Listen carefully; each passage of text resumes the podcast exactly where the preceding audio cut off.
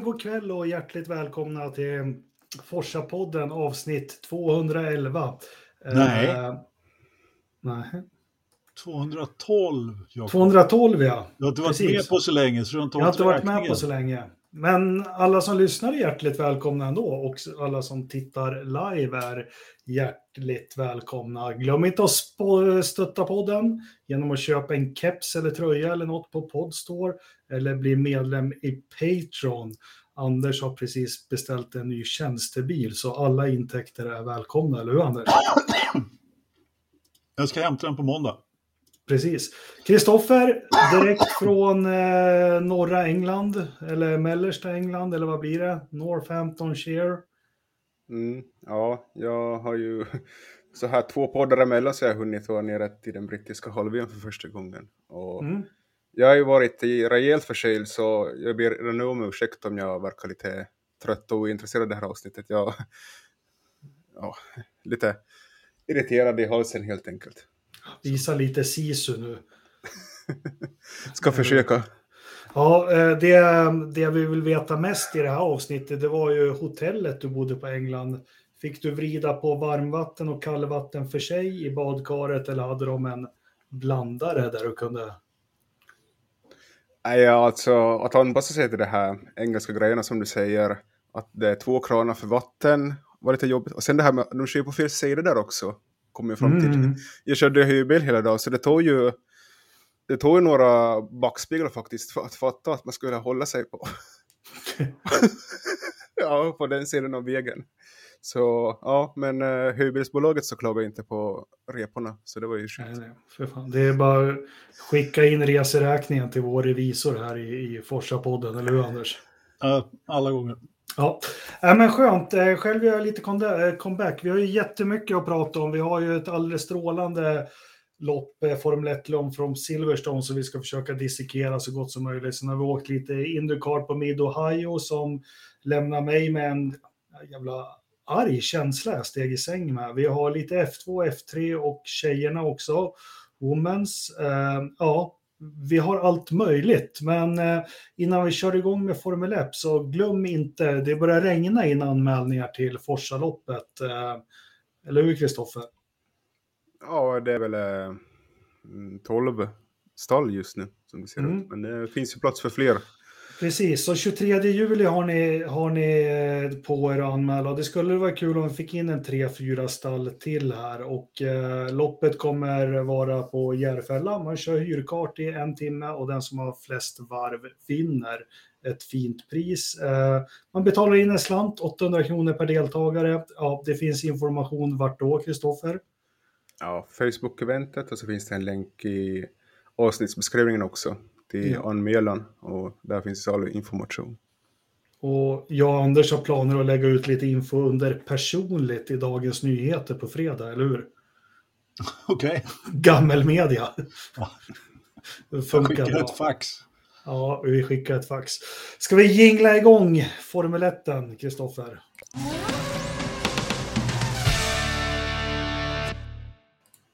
Mm. Silverstone, eh, hemmet för brittisk motorsport, bjöd på, igen tycker jag, en helt makalös helg. Jag vet inte, ni får hjälpa mig hur, hur, eh, hur snackar vi ner det här och vad har vi, förutom att Ricciardo var nära att slå Latifi, vad, vad liksom finns det mer? Vi, hjälp mig nu gubbar Ja, det kan vi göra. lyssnare. Ja, Det är väl hemmet för, för Formel 1 i världen överhuvudtaget, inte bara för brittisk motorsport egentligen, utan det är ju liksom vaggan för Formel 1-VM, även om eh, en och annan italienare kanske blir lite irriterad om man tycker att det är, är världens hem för Formel 1, en annan amerikan också kanske. Men, Fast eh, de har väl annat att vara irriterade på just nu, italienarna. det är sant, Men, ja. det är helt sant. Men eh, Ricardo slog ju till redan på torsdag var det. När han lappade till sin stallkamrat så att han blev helt orange i plytet. De hade någon tävling där de hoppade på bollar, såna här eh, gummibollar och han lappade till Norris ordentligt. Men eh, det verkar gå bra. Mm. mm. Eh, har du någon idé om vart vi ska börja vrida, vrida igång där? Kristoffer, ska vi...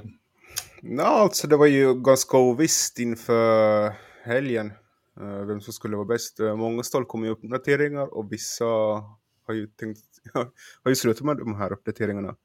Red Bull Mm. var väl just ett av stallet som kom med flest uppdateringar och lyckades inte kapitalisera varken i, i kvalet eller racet. sen. Men eh, de verkar ju, liksom rent pacemässigt verkar de ju, om man ser på träning 3 där så verkar de ju ha eh, ökat avståndet till Ferrari med en, en halv sekund. Jag vet inte om ni kollade på den träningen men eh, för det var ju väldigt eh, det blev ju bara två sessioner torrt inför loppet och det var väl det som också gjorde att eh, man inte riktigt visste hur, vad som skulle ske i loppet, liksom med däckstrategier och sånt. Mm. Men eh, om vi eh, kollar på kvalet då. Vad, vad var det som gjorde att, eh, att Carlos tog pole egentligen? Vad, vad, vad, vad hände där egentligen? Vad sjabblade, sjabblade Red, Red Bull bort den där polen egentligen? Ja, men Verstappen fick väl gult. Mm. Mm. Han fick gul flagg mitt på sitt sista försök, men det är ju också så att eh, liksom sista försöket, ja, nu, jag vet inte om ba blev banan så mycket snabbare där på slutet. Nej, ja, oklart egentligen. inte det- Q3 riktigt. Då. Nej, men... du kan ju eh, fråga Latifi, han, han, eh, det är svårt att... Eh, vi måste väl ta honom direkt, att han var ju... I Q2 blev, handlade det ju helt om timing bara på banan när du var ute och Latifi var ju den som drog längsta strået i den. Ja, men det måste man ändå säga är ganska stabilt. Eh, Alltså, det, det kan man inte snacka bort heller, att han var den som tajmade. Nej, jag tycker faktiskt att han ska ha cred för det. Det har han också fått lite grann faktiskt. Ja, men jag tycker sen när man kommer till Q3 och, och kval liksom 20 sekunder efter poltiden, eh, är man faktiskt bra i regn då. Nej, men han gjorde ju något. Det var ju inte det. Han, Han var ju inte ens där. ute och försökte väl. Nej, han, var ju, han, Nej. han stannade i första kurvan Nej, och sen, sen vart det ju ingenting. Liksom.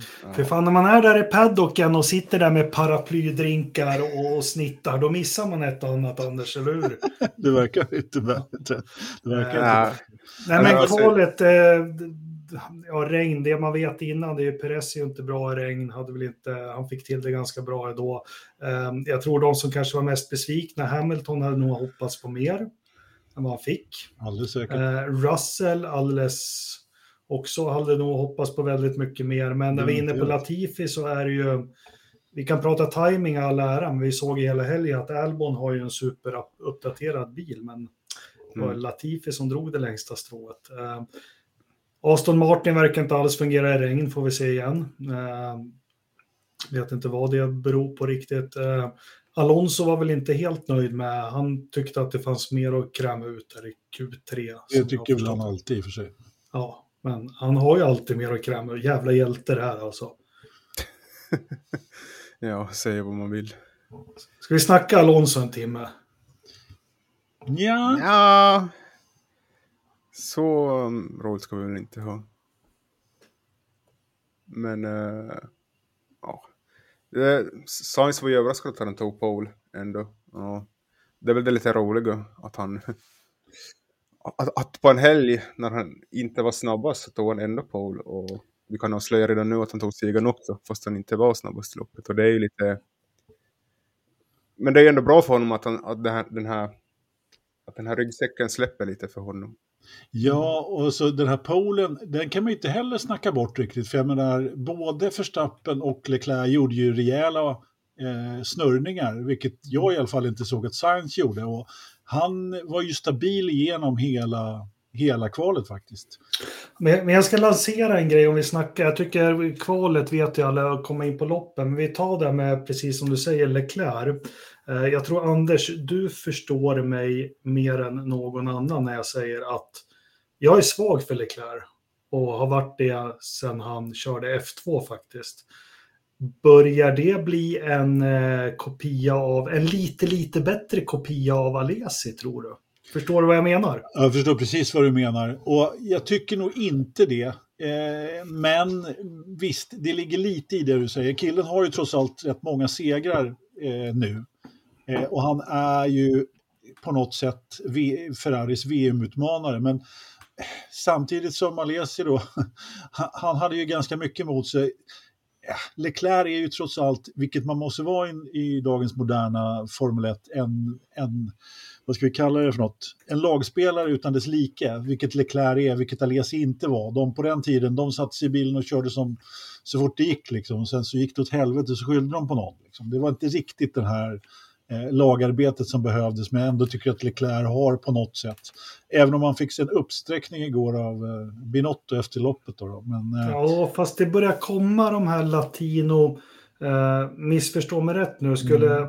Alesi haft samma tillförlitlighet i sina bilar så skulle han haft lika många segrar som Leclerc har. Det har du i och för sig rätt i det är det här varje helg är det något misstag, någon snurrning, någonting och han börjar bli stressad och, och, inte göra utfall. Men just att Binotto är så snabbt på honom och verkligen med pekfingret liksom mm. ajabaja. Hans radiomeddelande, det är inte ett sånt radiomeddelande, får vi tycka vad vi vill om honom, som Lewis Hamilton skulle, eh, skulle ha gjort. Eh, Eh, Eh, och det jag tänker på också är, jag lyssnar och läser väldigt mycket Peter Windsor och han, han är väl den jag tycker har mest insikt. Han påstod här i veckan att den politiska tyngden i Frarri, alltså hur ska man förklara, jag kan inte det svenska ordet, men Frarri styrs ju till 90 procent av politik, det är det som är deras problem, men den är med science. Det trodde jag faktiskt inte. Nej, det trodde inte jag heller. Men man kan väl säga så här också att eh, jag menar, Ferrari är ju lite, har ju alltid varit en liten koloss liksom. Sådär, att folk är ju lite rädda för att ta beslut för att och liksom eh, och tar man beslut så går det åt pipan. Och jag menar, nu har man gjort några kollektiva, riktiga katastrofgrejer här liksom, eh, som har drabbat Leclerc väldigt hårt. Jag tror att, jag menar, ska inte, ska inte glömma att Leclerc är väldigt ung. Jag menar, han, han jagar sitt första VM, han jagar livet ur sig för att eh, liksom gå upp mot Verstappen framförallt den här säsongen. Och jag menar, om nu Mercedes också kommer att blandas i leken så kan det ju bli jäkligt jobbigt att vara Leclerc här i, i säsongen. Så att ja, det, det, det ska bli intressant att se om han kan komma tillbaka Leclerc. Jag tror faktiskt han gör det. Jag tror, jag tror att han eh, att han har det tålamodet faktiskt. Men, men du förstår min liknelse? Ja, oja, oja, oja. Jag försöker inte vara rolig på något nej, vis. nej, jag förstår precis din liknelse och jag säger inte att den är fel, absolut inte. Kristoffer? Den här gulflaggen som Verstappen fick, var det för att Leclerc eh, spann av? Eller? Bra fråga. För, för när de satt där press... Fråga någon som var på plats. ja, men jag beklagar mig åt Anders här innan att det är ju värdelöst. Både wifi och mobilnätverksanslutning och sånt. Ingenting fungerade för mig så jag fick ju åka och köpa en nätverkskabel på lördagskvällen för att ens kunna förstå vad som hände på banan.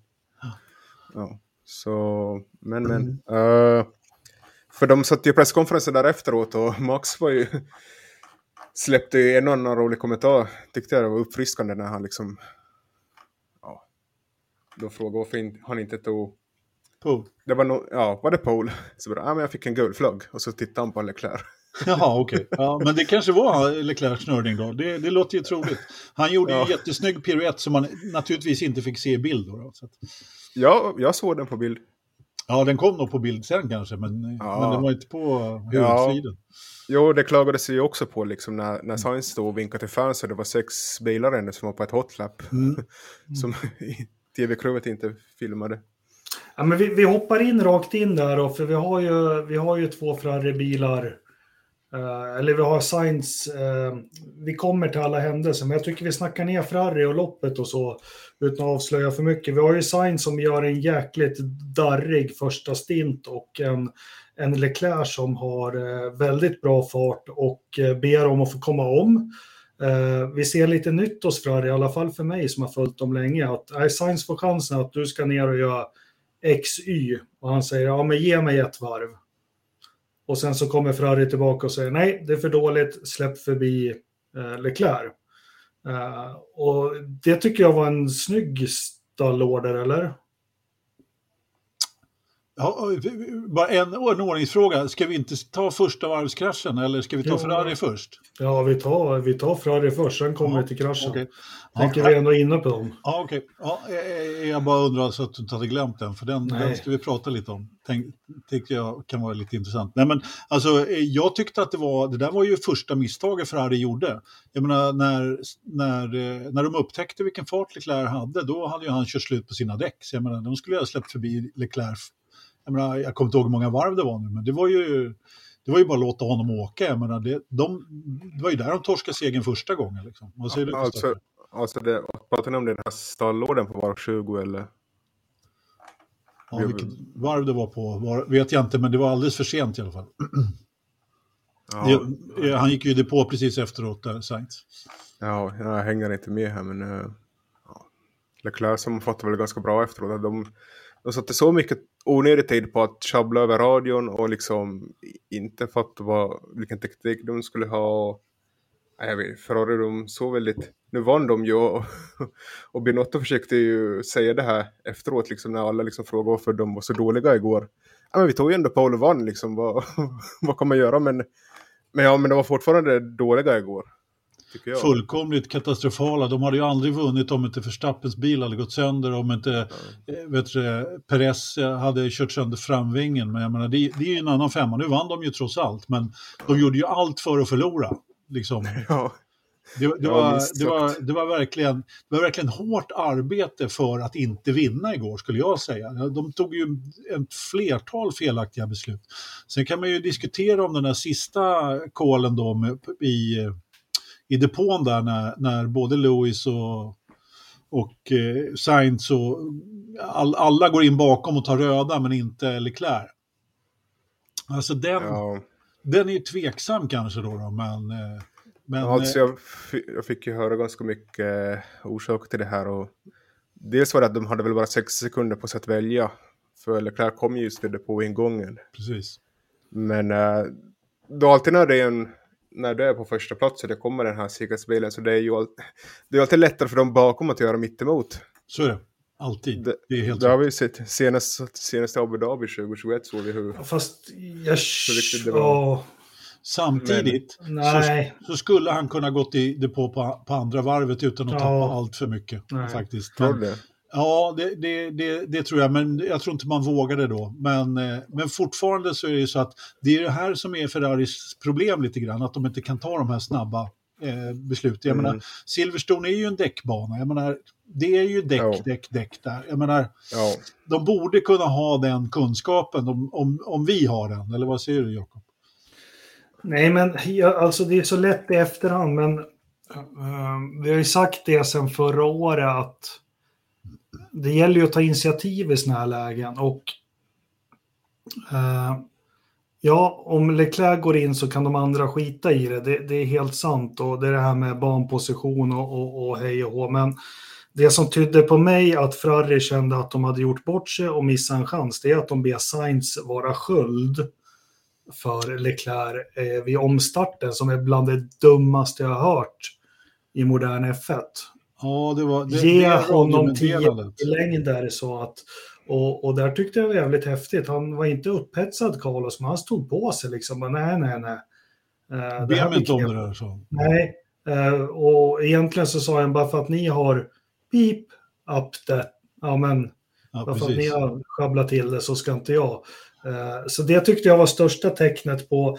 Sen är det ju så, vi sitter ju inte med all data, vi sitter vid tvn där och är specialister, men jag tyckte det var ett märkligt val. Jag skulle nog...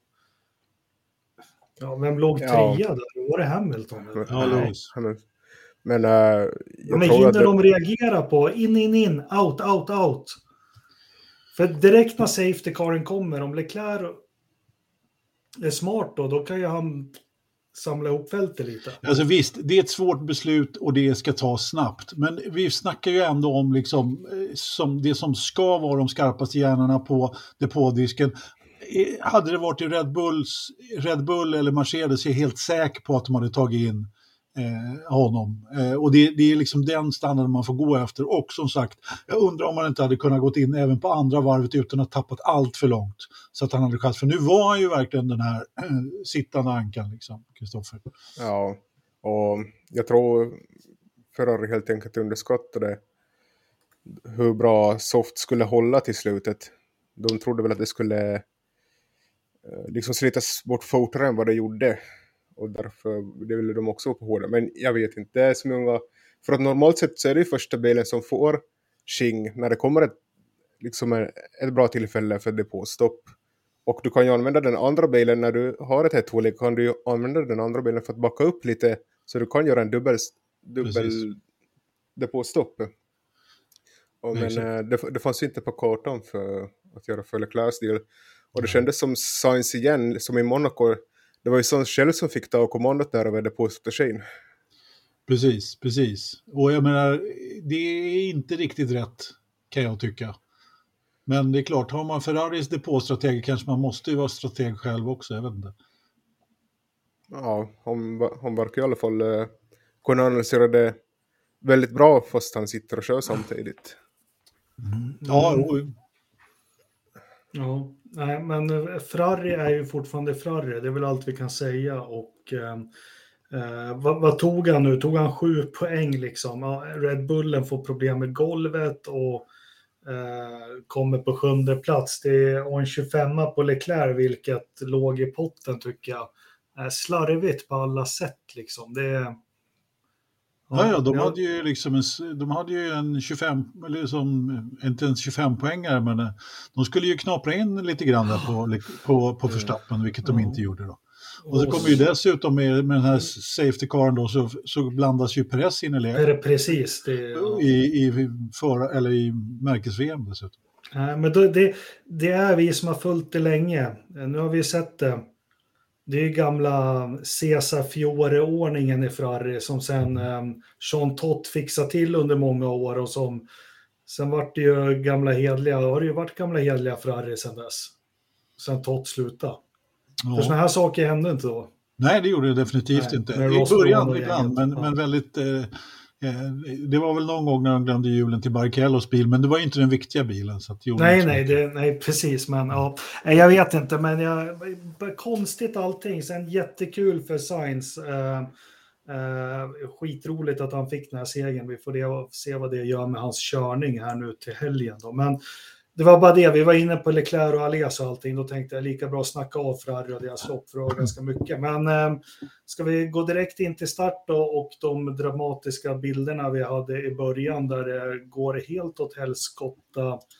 Eh, en Ronnie Pettersson 78 krasch, någon som touchar någons bakhjul och så en bil 90 grader in i räcket och sen så har vi ju kinesen vars namn jag inte kan uttala. Joe. Joe.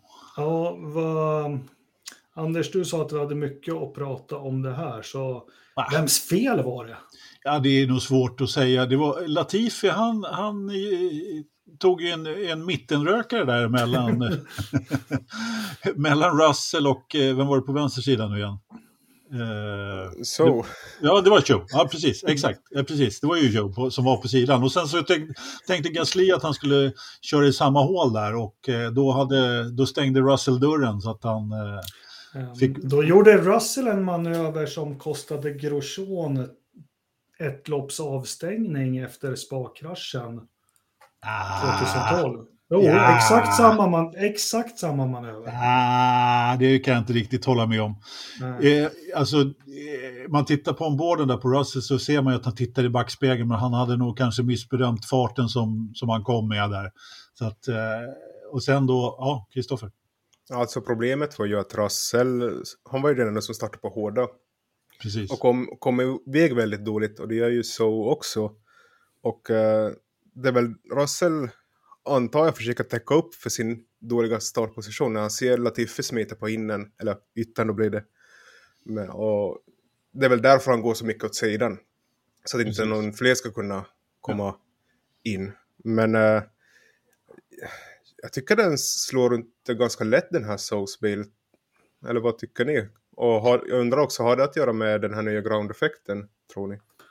Nej, det har det nog ingenting med att göra, men det har vi sett eh, absolut eh, väldigt mycket, vi som har följt Indycar, att träffar du helt fel, eh, ett framåt bra bakdäck så där, så blir det ju som, ja, ja det blir så där. Sen ser jag, ja den går den går väldigt lätt över, men jag tror inte det har någonting med ground-effekten att göra. Alltså den hamnar väl på sniskan lite grann där också.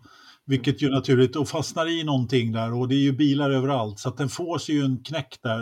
Eh, men jag, jag, jag hade sam, precis samma tanke då, att den, att den slog över väldigt lätt. Eh, och sen då så eh, i samma veva så kör väl Fettel på eh, Albon då som drar in i räcket och den, den såg man kanske inte riktigt första, Mm. första, första gångerna där. Eh, Det är, Det var ju- Bo- Bottas börjar ju, han släpper väl Ja. av för han ser en massa. Precis, Och då precis. gör Albon det och eh, Exakt. har inte en chans att se eller upptäcka det. Nej, Ja. nej, men precis. Det var ju en liten, eh, en liten kedjekrock där, eller, man- eller kedjemanöver. Och, och den där Albons smäll in i, höger, in i väggen där, det, alltså de hade ju rätt bra fart där. Så att, eh, Ja. Även fast de kanske hade lagt av lite, Kristoffer. Jo, men, ja, men ni vet hur Ja. jag tjatar. Det är liksom, Ronny gick in precis likadant, 211 i ett räcke liksom. Och, och de Mm. här är säkert uppe, Albon startar långt bak, han är nog uppe närmare 300, 270 i alla fall. Eh, det tar rejält stopp. Så var det väl några andra som passade på att köra på honom också. Ja, det var ju just det att uh, hans, hans bil slungas ut på banan igen och han slår väl i Ocon höga Mm. fram med Exakt. bilen, Albons bil då. Det som är kvar av den. Och sen kommer Sunoda och kör rakt in i den, liksom i höga fram. Så, jag, jag skulle säga att Albon fick ju värre smällar eftersom han är stillastående än, än så. För så medan han flög så tappade det ganska mycket energi medan Albon eh, får ju liksom... Jag hörde den där G-kraftsensorn som slår väl ut. Och så han fick ju åka helikopter till närmaste riktiga Ja. sjukhus då. Ja, precis. Och eh, sen, var, sen var det väl så att eh, eh, Joes krasch såg ju mer spektakulär ut naturligtvis eftersom han åkte. Mm. För det första så åkte han ju på, på eh, upp och ner väldigt, väldigt eh, länge och, och då den här roll, roll hop, eh, roll over bar, single Ja. strut roll over bar, det vill säga, eh, vad sa vi att det hette på svenska? buren, störtburen, nej, eh, störtbågen. Båge. Ja, störtbågen. Ja, störtbågen gick ju dessutom av på något sätt. Det är lite svårt att veta eh, liksom, vad som hände, men, men eh, i, alltså, det ser ju lite märkligt ut, därför bilen tar, tar ju i också precis innan den här däcksbarriären. Så att den liksom Mm. slungas upp och så mot staketet. Fast det är ju det är där jag tror det är ju rollhopen, störtbågen som gräver ner som gör att den katapultar upp. Nej, jag tror den är borta Nej. där. Nej, jag är ganska säker på att det är den, den som så gör Nej. det. Men det, det konstiga är att Jag är inte enig där men... ja, ja, nej, vi Berätt. får väl titta på lite bilder då kanske. Ja, men... eh, ja. För som jag förstår det så är det liksom impacten, alltså vad heter det på svenska? Smällen av att eh, den slår ner i asfalten som gör att den här bågen då brister.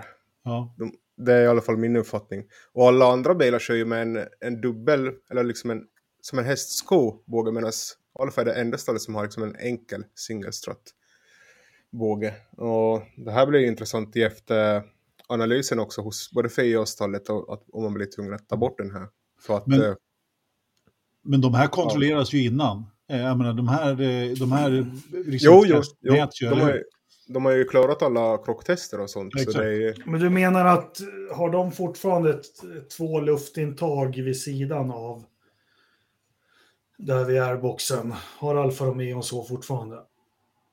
mm, De har bara har liksom en pinne som går upp och så sitter det som Merca introducerade 2010. Jag måste googla en bild. Ja, men... eh, väldigt märkligt det där just att den brister. För jag vet inte om Ja. jag tidigare sett någon glida fram sådär. Nej, nej men precis. Och, och, alltså, sån fart och sen så den fastnar i då, när, precis som du säger, när, liksom, när bilen landar upp och ner. Eh, Det, det lär väl senare vet du, eh, utredningar visa, men vi pratade här innan också om, vi har ju sett en sån där knäckas tidigare och det var ju Pedro Nis då på Nürburgring eh, som, som knäckte den där och då, vid det tillfället så var det ju så att bågen fastnade i eh, dränering, en dräneringsbrunn på sidan liksom, så att den bara tog, tog tvärstopp så att den knäcktes så att säga. så att säga. Så att, eh, när bilen låg upp och ner. Men på den tiden så hade man ju inte halo då, så då var det ju det enda. Då har man ju liksom en, eh, då har man, hade man, på den tiden så hade man ju något som man liksom mätte framifrån till den här, Eh, man la liksom en, en skiva där och så skulle det vara liksom ett visst mått där som den skulle hålla så att huvudet klarade sig under där. Och brast den, ja då, då är det ganska lätt att nacken brister också. Men Denise klarade sig ju där trots allt. Ja.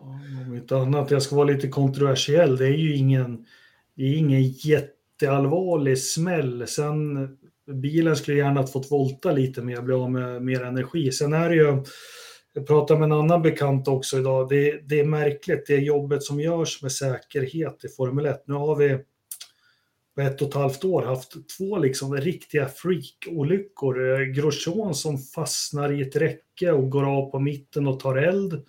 Och här liksom är det någon som hittar, lyckas hitta en lucka mellan däcktrave och, eh, och stängslet. Eh, Mm. Ja, det tyder bara på att säkrad arbete, eller de här baninspektionerna och sånt, det kan inte bli för mycket av det. Och, och tacka gudarna att det här räcket höll alltså. Ja, alltså Ja. jag har faktiskt setat på den där läktaren. Eh, Det är Abbey om jag inte är helt, eh, Mm. helt fel underrättad. Och jag menar, eh, det, som när det kommer en bil, alltså man ser, det var ju någon, någon åskådare som hade filmat där när bilen kom och han, han viker ju inte tum, han står ju där och, och filmar fast bilen kommer farande och landar i staketet. Jag vet inte riktigt om jag hade stått kvar faktiskt. För det, det, Ja. det går riktigt fort och just att bilen landar och så kilar ner sig där emellan däcksbarriären också. Eh, Kan ju vara lite lagom. Tänk om den hade tagit elden där som... eh, Mm, vad skulle hända om den tog eld med Ja, exakt. och allt?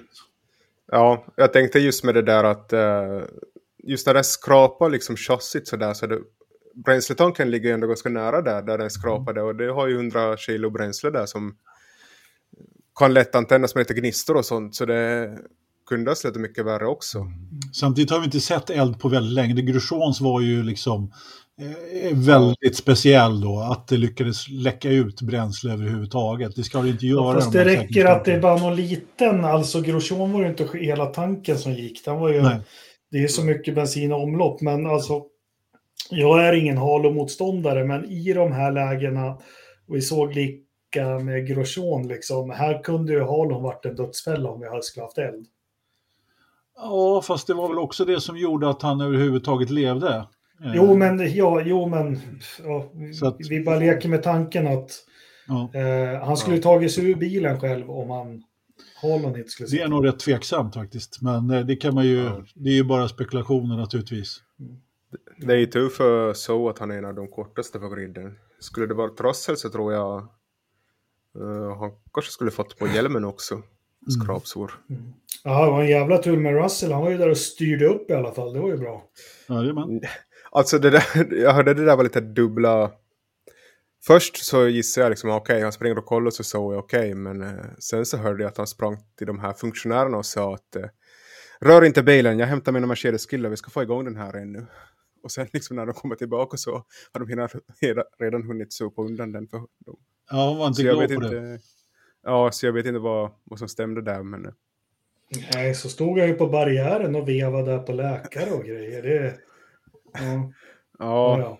han var väl chockad kanske. Men, eller Ja. fylld av skuld. ja, det är antagligen det också.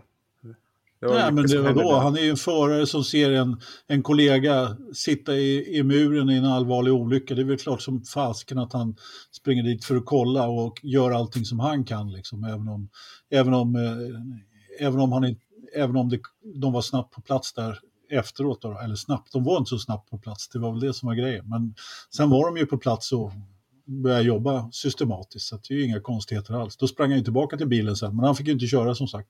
Det är väl rätt tveksamt om den här bilen skulle ha gått att få igång överhuvudtaget. Men, Mm. Så sex bilar hade vi inblandade i den här hela startincidenten då. ja, och sen var det väl faktiskt fler som fick lite skador. Alltså, eh, det var någon McLaren där som också fick lite skador. Eh, som, som de bytte i, i depån. Eh, om det var Ricardo. Eh, Så att det, var, det var tydligen ännu fler bilar som, som trots allt eh, lossade lite delar både, lite här och där som inte var direkt inblandade. Så att det gnuggades ytterligare lite grann faktiskt. Okej. Ja. Ja, Överstoppen tog ju annars starten. Om ni missade det. Den där Ja, lilla sekunden som... eh, han gjorde ju det. Så vart det ju röd flagg. Sen var det ju någon sittstrejk där på Weddington. Ja, just ja. Det, men det, är ju, det skötte de snyggt och inte visa något i tv. Ja. Men Jag Eh. tänkte på det. Jag tänkte verkligen på det att de, de, de visade ingenting utav det. Och det, det är nog helt rätt. Nu pratar vi om det och ger det uppmärksamhet, men jag tycker det är helt rätt. Sånt där, Ja. ska inte, sånt där ska inte få uppmärksamhet överhuvudtaget. Och, och, och också de här stängslen, alltså när man är på Formel 1 så ser man ju de här, eh, det, det stängslet som Show landade i. Alltså det är, inga, det är ganska rejäla doningar. Mm. Liksom. Och de är sex meter höga tror jag, eller något sånt där. Ja, jag har nog klättrat över några faktiskt. Ja, fast det, ja men precis. Alltså det går ju att klättra över, det har jag Ja. också gjort.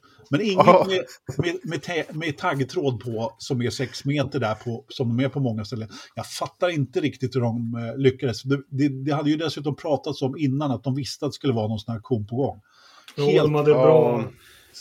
sanslöst att de inte lyckades stoppa dem innan. Ja, men de hade bra intel som du sa. Sen tyckte jag det var lite kul att eh, höra intervjuerna apropå det här efteråt och nu uppmärksamma dem. Lewis, han tyckte det här var bra liksom. Ja, men alla måste göra vad de kan för att rädda jorden. Nej, det var väl inte... Ja, de hade väl sympati för orsakerna, men inte Nej, sen så är det, gjordes piss, på. piss. Nej, han, det var vad han sa först. Sen var ju jättepissnödiga multistora bolaget Mercedes var ju tydligen ute och dementera sen att det var inte riktigt det Lewis menade, för han visste inte Jaha. att de hade setat på banan. Eh, Men han tyckte det var bra. Fettel, han tyckte väl också att det, det var väl okej, fast gör det på ett annat sätt. Ja, det var ganska tydligt med att de inte skulle gå in på banan i alla fall. Det- Jag har inte hört någonting annat.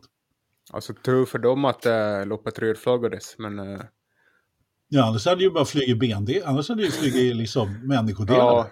Och, Mm. och liksom de hade satt sig på ena sidan av banan, men uh, uppenbarligen så fattade de inte att det kan komma två bilar i, i, i bredd på Wellington Straight. så... Ja. ja. Men vi går vidare tycker jag. Det var inte mycket att snacka om. Vi glömmer det. Nej, streaking var ju trevligare så här på Wimbledon. På Wimbledon. Du Ja, om de kör. Cornelius Neil Horan 2003 som... Jo, han, så hade vi han med regnrocken på Hockenheim också som hade fått sparken av Merca. Mercedes, ja just det. Ja. Nej, jag tänkte mest på Wimbledon nu då. När Lewis inte kom in, eller vadå? Nej, Wimbledon är en tennisturnering ganska anrik som var känd för att det varje sommar så var det minst en tjej som sprang naken över banan. Ja, det, Ja, det, har jag faktiskt missat. Ja, Det, där, det enda jag kan om Wimbledon det är att Lewis inte blev insläppt på VIP-läktaren för han hade, lite för, han hade inte kostym på sig utan han var lite färgglada kläder Ja. häromåret. Han fick inte sitta bredvid Björn Borg. Ja, ska vi prata om uh, det riktiga loppet nu då också, eller? Nej, vi fortsätter med Wimbledon. Ja. Eh, ja, men Sainz fixar ju det i andra omstarten då. Och... eh, men hans uh, främre vänstra däck så börjar ge upp det ganska tidigt och han halkar ju av banan där typ tio varv in på loppet. Eller hur ser ni på det? Är det... I- Ja, men eh, det var väl en klassisk Sainz egentligen. Han var hårt uppvaktad av Verstappen som var lite snabbare och eh, ja, men eh, han pallade inte trycket helt enkelt skulle jag vilja säga. Ja, Ja. jag, jag säger att däcket inte pallar trycket, men okej. Ja, jag skulle vilja säga att det är Sainz som inte pallar trycket faktiskt. Eh, som gör det där misstaget. Men Ja. eh, det kan vi Inte, ju... var inte det där i Maggots där. Eh, Det kan väl blåsa på rätt bra där va, ibland. Nej, nej, Ja. nej, nej, skit i det. Nej, det var däcken och trycket. Ja. Ja, men eh, så redan där såg det ut som att Verstappen skulle promenera hem det här. Men sen så får ju Gasly den geniala idén att han ska köra om sin stallkamrat. Sen så misslyckas han med det här och han börjar köra lite Tokyo-drift istället och skadar både sin bil och Pierre Gaslys bil. Väldigt sen- konstig manöver. Ja, och sen ligger, lämnade lite bråte på banan som Verstappen råkar köra över. Av allihopa så är det Verstappen som kör över Alfa Tauri-delarna som ligger på banan och förstör golvet. Det, det tycker jag är väldigt märkligt. Hur kan man köra över det som, som förstör golvet till den milda grad? Liksom? För jag menar, det var ju inte Mm. lite heller. Han klagar, men alltså, bilar har ju kört förut med golvet förstört. Så det måste ju ha gjort en, jag, nu har inte jag sett några bilder på det i efterhand, men det måste ju ha blivit helt eh, sanslöst skadat det där golvet. Man Ja, såg ju- ingenting utifrån liksom. Det var ju samma för Bottas på Imola 2020. När han typ ledde. Och alla sa att Bottas var värdelös, men han körde ju över någon del också som... Jo, men jag kommer ihåg det. Jag kommer ihåg det. Var då när han spann hela tiden. Eller? Eh, nej, inte spann han väl, men det var... Han hade inte fart helt enkelt. Ja, just det. Och det kommer jag förstå nu när man ser Verstappen drabbas för samma sak. Att eh, det är tydligen jättekänsligt det här golvet. Ja, För, för han sa ju att bilen var 100% sönder. ja, ja han trodde att det var något som var att någon stag hade gått eller och så vidare. Ja. Så han, fick han ju dessutom punka då. Men Fick han, fick han faktiskt punka eller var det att han upplevde det som en punktering? Jag tror att det var en punka faktiskt. Eh, Okej. För de var ju in och bytte däck. Eh, så att säga. Mm. Och, och när han låste upp där på väg in också. Så att, eh, det var nog en punktering också. Okej. Ja. Jakob, Så- hallå? Mm. Hallå ja. ja. Så då hade vi mitt i allt eh, Sainz i ledning igen med Leclerc jagande bakom. Mm. Och Hamilton eh, jagar där på bakom visst. Hamilton börjar väl få upp ett rasande tempo, ska vi väl säga också. Ja. Ja, han fick ju vittring.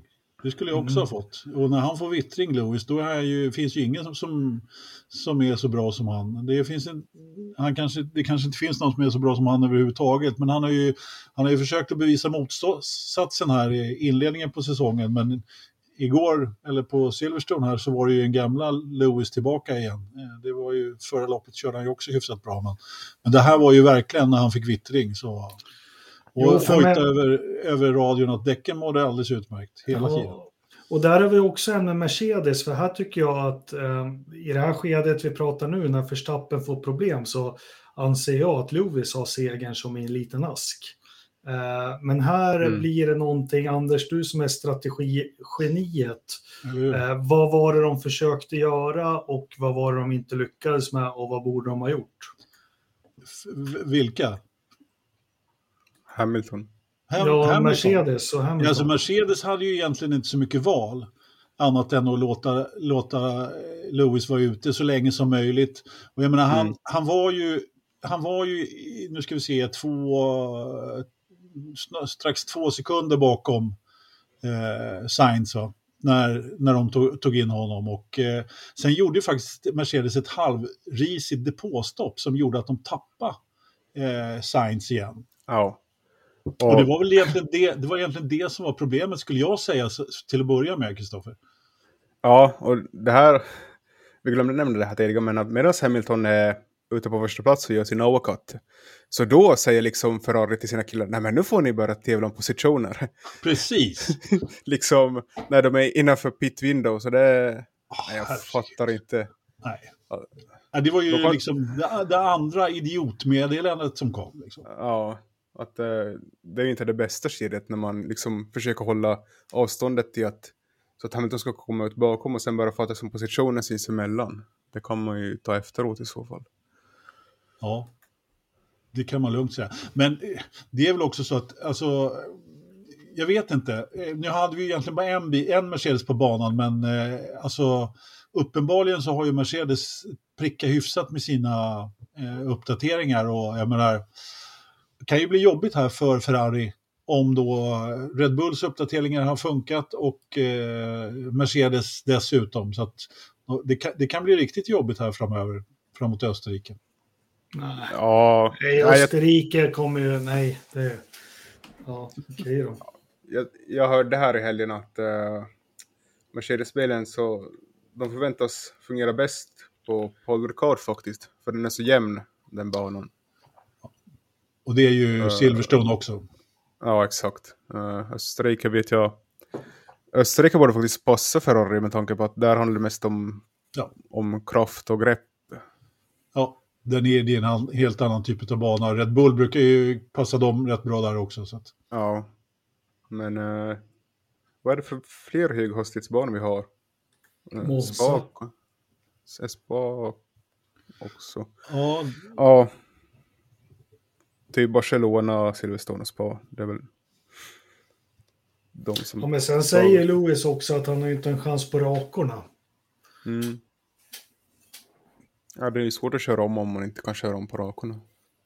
nej, det såg vi ju att eh, Mick hade lite problem med på slutet också. Mm. Mm. När han skulle försöka ta sig förbi Verstappen.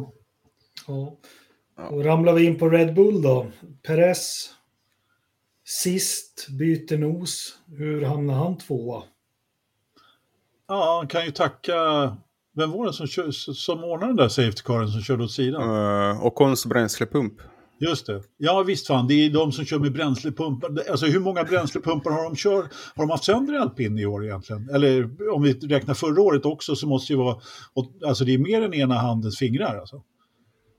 Ja, men eh, bränslepumpar är det. Det är väl inte en stor kostnad eller? Nej, det kan ju vara lite stor kostnad om man måste, behöver bryta. Det, det är liksom som på gamla Ferrari-tiden där innan. Mm. När de var tvungna att köra med liksom en, eh, en, en mekanisk del av ett visst fabrikat. Även fast den gick sönder varje lopp så fick, kunde de inte byta den. För att det är härifrån vi kör. Jag tror att Alpin gör, har något liknande. Ja, men, ja, men kan ni för, kan, kan, vi, vi måste köra med dem för att, eh, ja. Ja, men de har inte knäckt det. det är, jag tror det är enklare än vad ni tror. Det är mer etanol i bränslet nu och det mår inte bränslepumpar och sånt bra av. De kanske har missbedömt det. Ja. Möjligt. Det är Vi måste- därför du ska, vi som har haft etanolbilar förr i tiden, då var man ju tvungen att tanka dem med bensin en tank då och då. Det var ju just för att klara bränslepumpen och sånt. Men men. Ja. Mm. Nej men det blev ju ändå en ganska bra avslutning på det här. Var det tio varv vi fick då på grön flagg? Och som vi sa tidigare, alla i topp 10 gick in för nya däck. Eller i princip alla förutom det var väl Leclerc och Magnussen som inte gick in. Och det. Magnusen ångrar ju det. Ja, Var tydlig med att det var hans beslut och eh, Hamilton borde nog tagit ett par nya gula för han hade ingen fart på rött. Nej, eller så blev de förstörda i fighterna där. Han, alltså där måste man också säga det att jag, jag blev, först blev jag lite förvånad på Lewis och hans eh, aggressivitet. Aggressiv, aggressivitet. Eh, men sen så, när jag hade lugnat mig lite grann och tänkte tillbaka på den här fighten så var det nog den Lewis vi såg. För han ville absolut komma i mål. Han visste ju att han hade en pallplats där.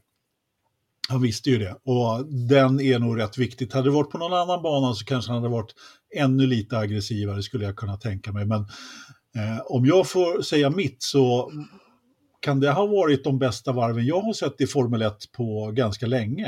Eh, alltså jag kan inte påminna mig den, den där typen av fight. Framförallt de fem första varven där, eh, när, innan eh, Sainz kom iväg lite grann, så var det ju en riktig kubbning och det började det var ju ju... riktiga förare, det var ingen förstappen där som...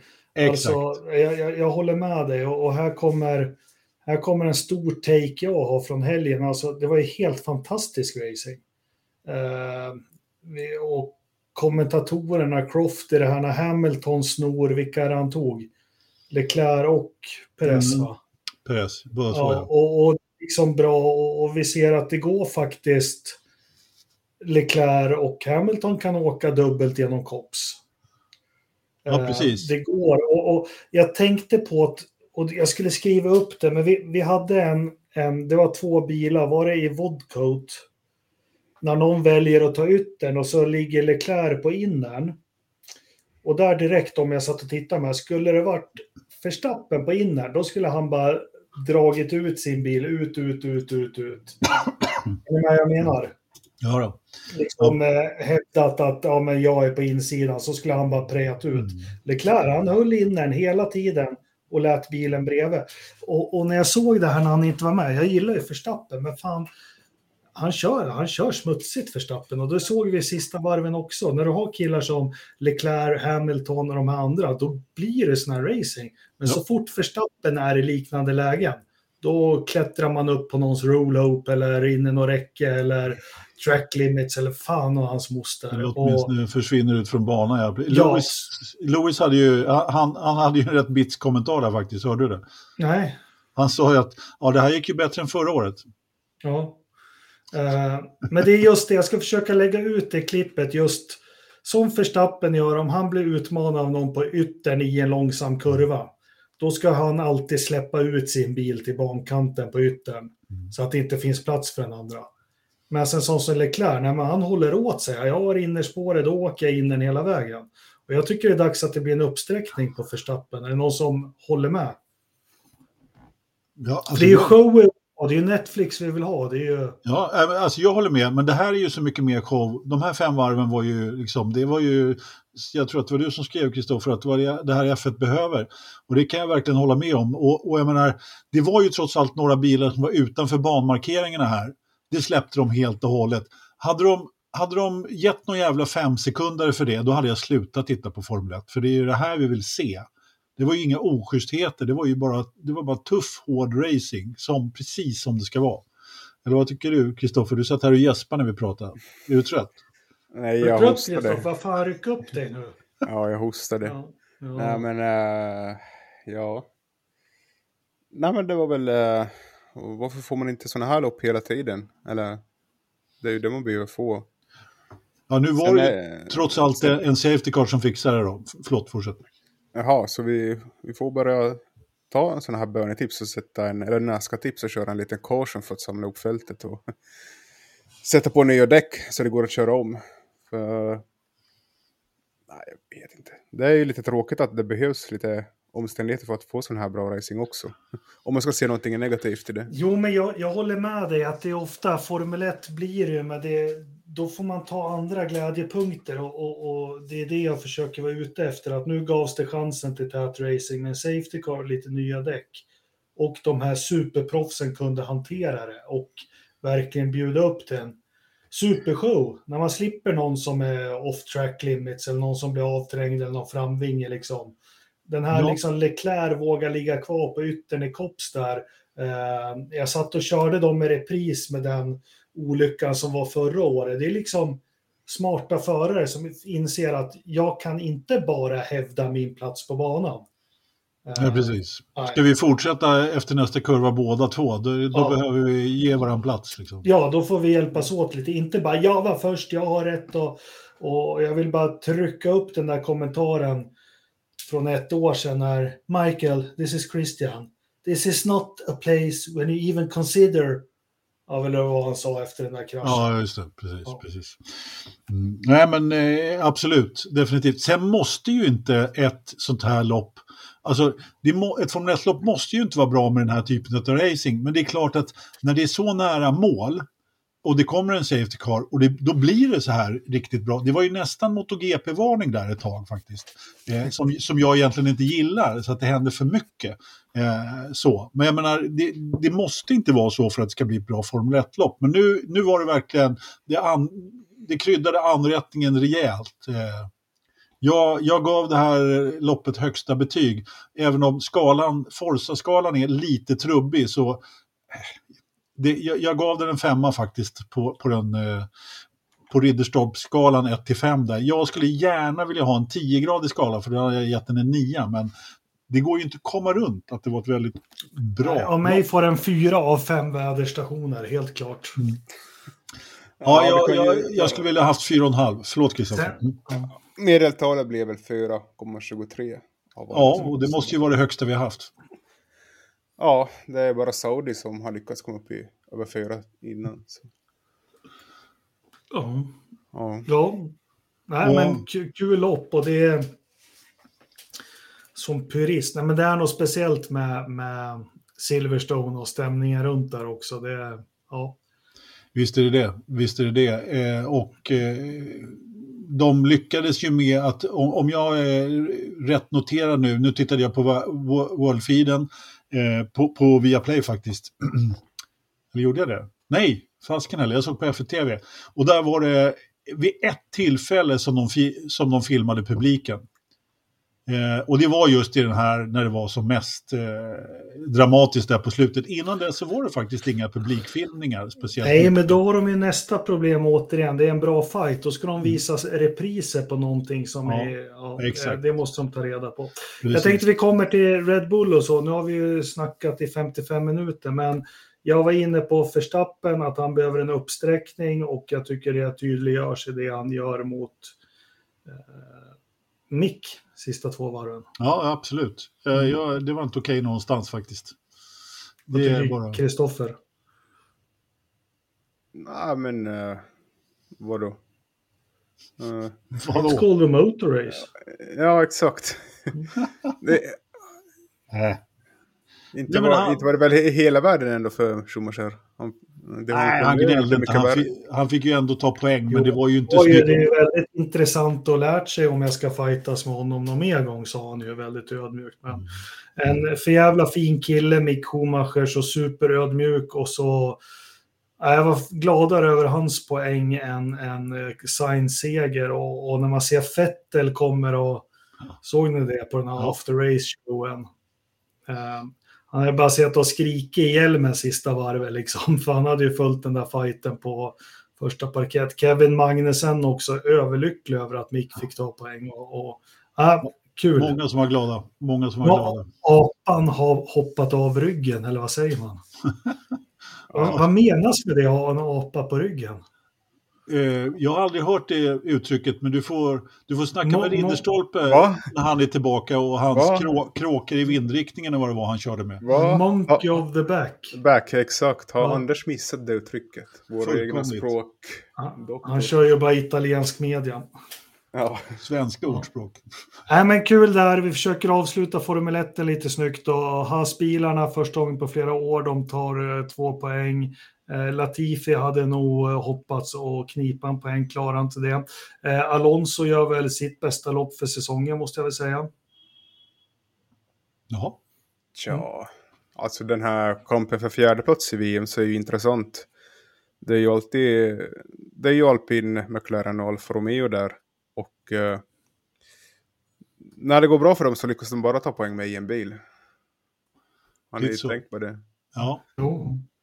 Ja, det var ju, det, alltså de, de, de hade ju kunnat blanda sig i där på slutet, Alonso och Norris, men de gjorde nog rätt i att hålla sig på lite avstånd ändå. De var fram och nosa, Alonso var fram och nosa lite grann där och, och Norris också, men det var nog kanske lika bra att de lät den där fighten vara och plocka sin femte och sjätte plats där. Mm. Ja. Så, men har ni det bästa på hela Formel 1-helgen då? Om ni får ta ut det. Anders, vad, vad, var, vad var det bästa den här? Bästa på hela Formel 1-helgen? Ja, vad tar du med dig från den här Nej, men helgen? eh, det kan ju inte bli så mycket annat än den här fighten faktiskt. Som var, som var efter eh, omstarten på Safety Caren där när det var, Mm. hur många var det nu var kvar, har jag glömt. Ja, den fighten var, den var grym. Ah, jag tycker väl uh, Alfa Romeo verkar ha en bra bil i race.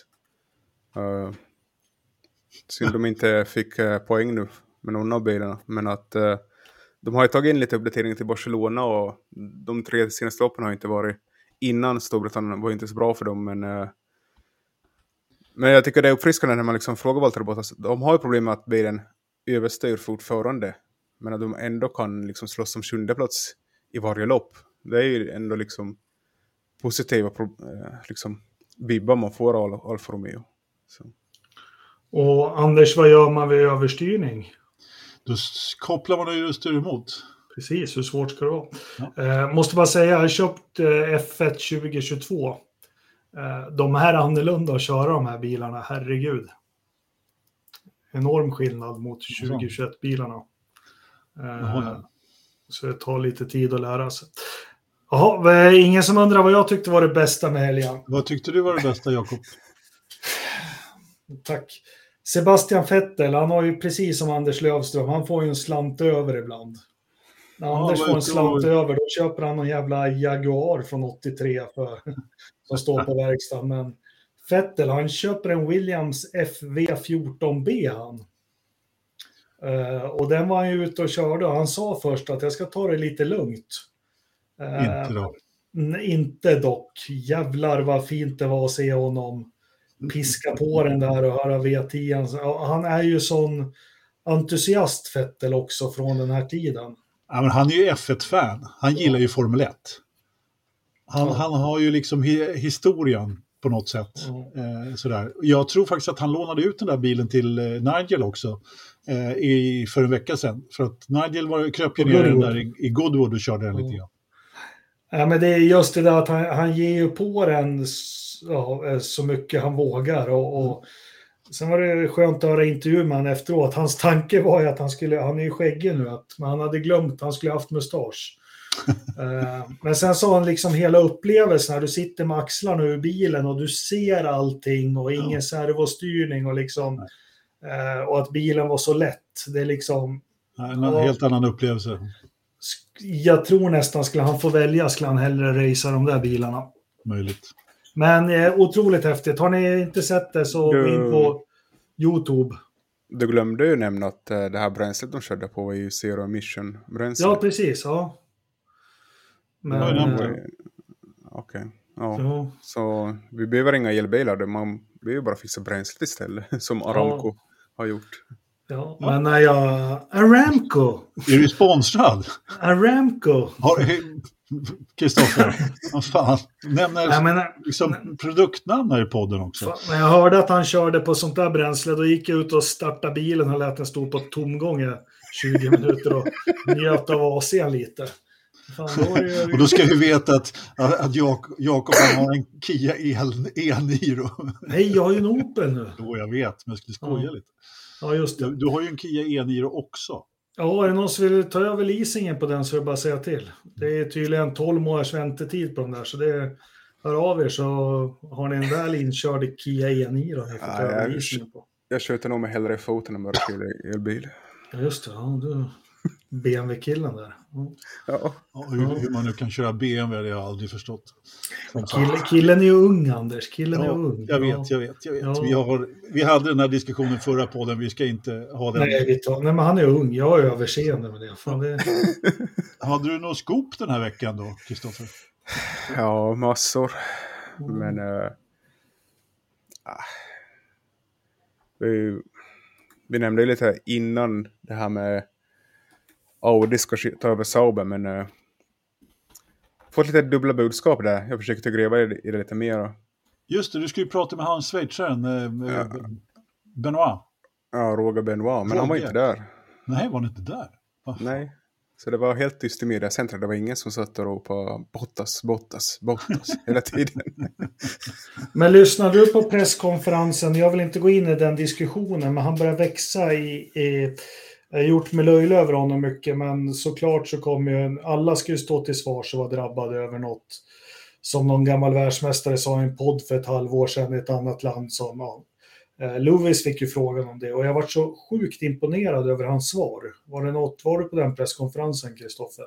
Jo, alltså hela torsdagen hade ju kanske fel fokus, men det berodde på att det fanns inte så mycket annat att prata om. Så det blev ju Mm. mycket det här, ja, liksom, varför ska man ge de här eh, för, föråldrade F1-profilerna en plattform? Och det är ju kanske där media också kommer in. Varför ska man liksom skriva? Böne var ju också nämndes i någon artikel, att han hade sympati med Putin och vad det var. Jag minns inte exakt vad det var. Jo, men det jag tänkt på Louis sa, jo han sa det med Ja. plattformen och alla har väl rätt att ha en plattform att snacka på, men det han sa att han var väl mellan raderna tolka honom, ja ja, men så fort någon av de här säger något så kommer alla multinationella företag ha PR-avdelningar som redan har något förskrivet och liksom bla bla, vi fördömer och hej och. Men för i helvete, gör någonting istället. Det var ju det tyckte jag budskapet han förmedlade till mig.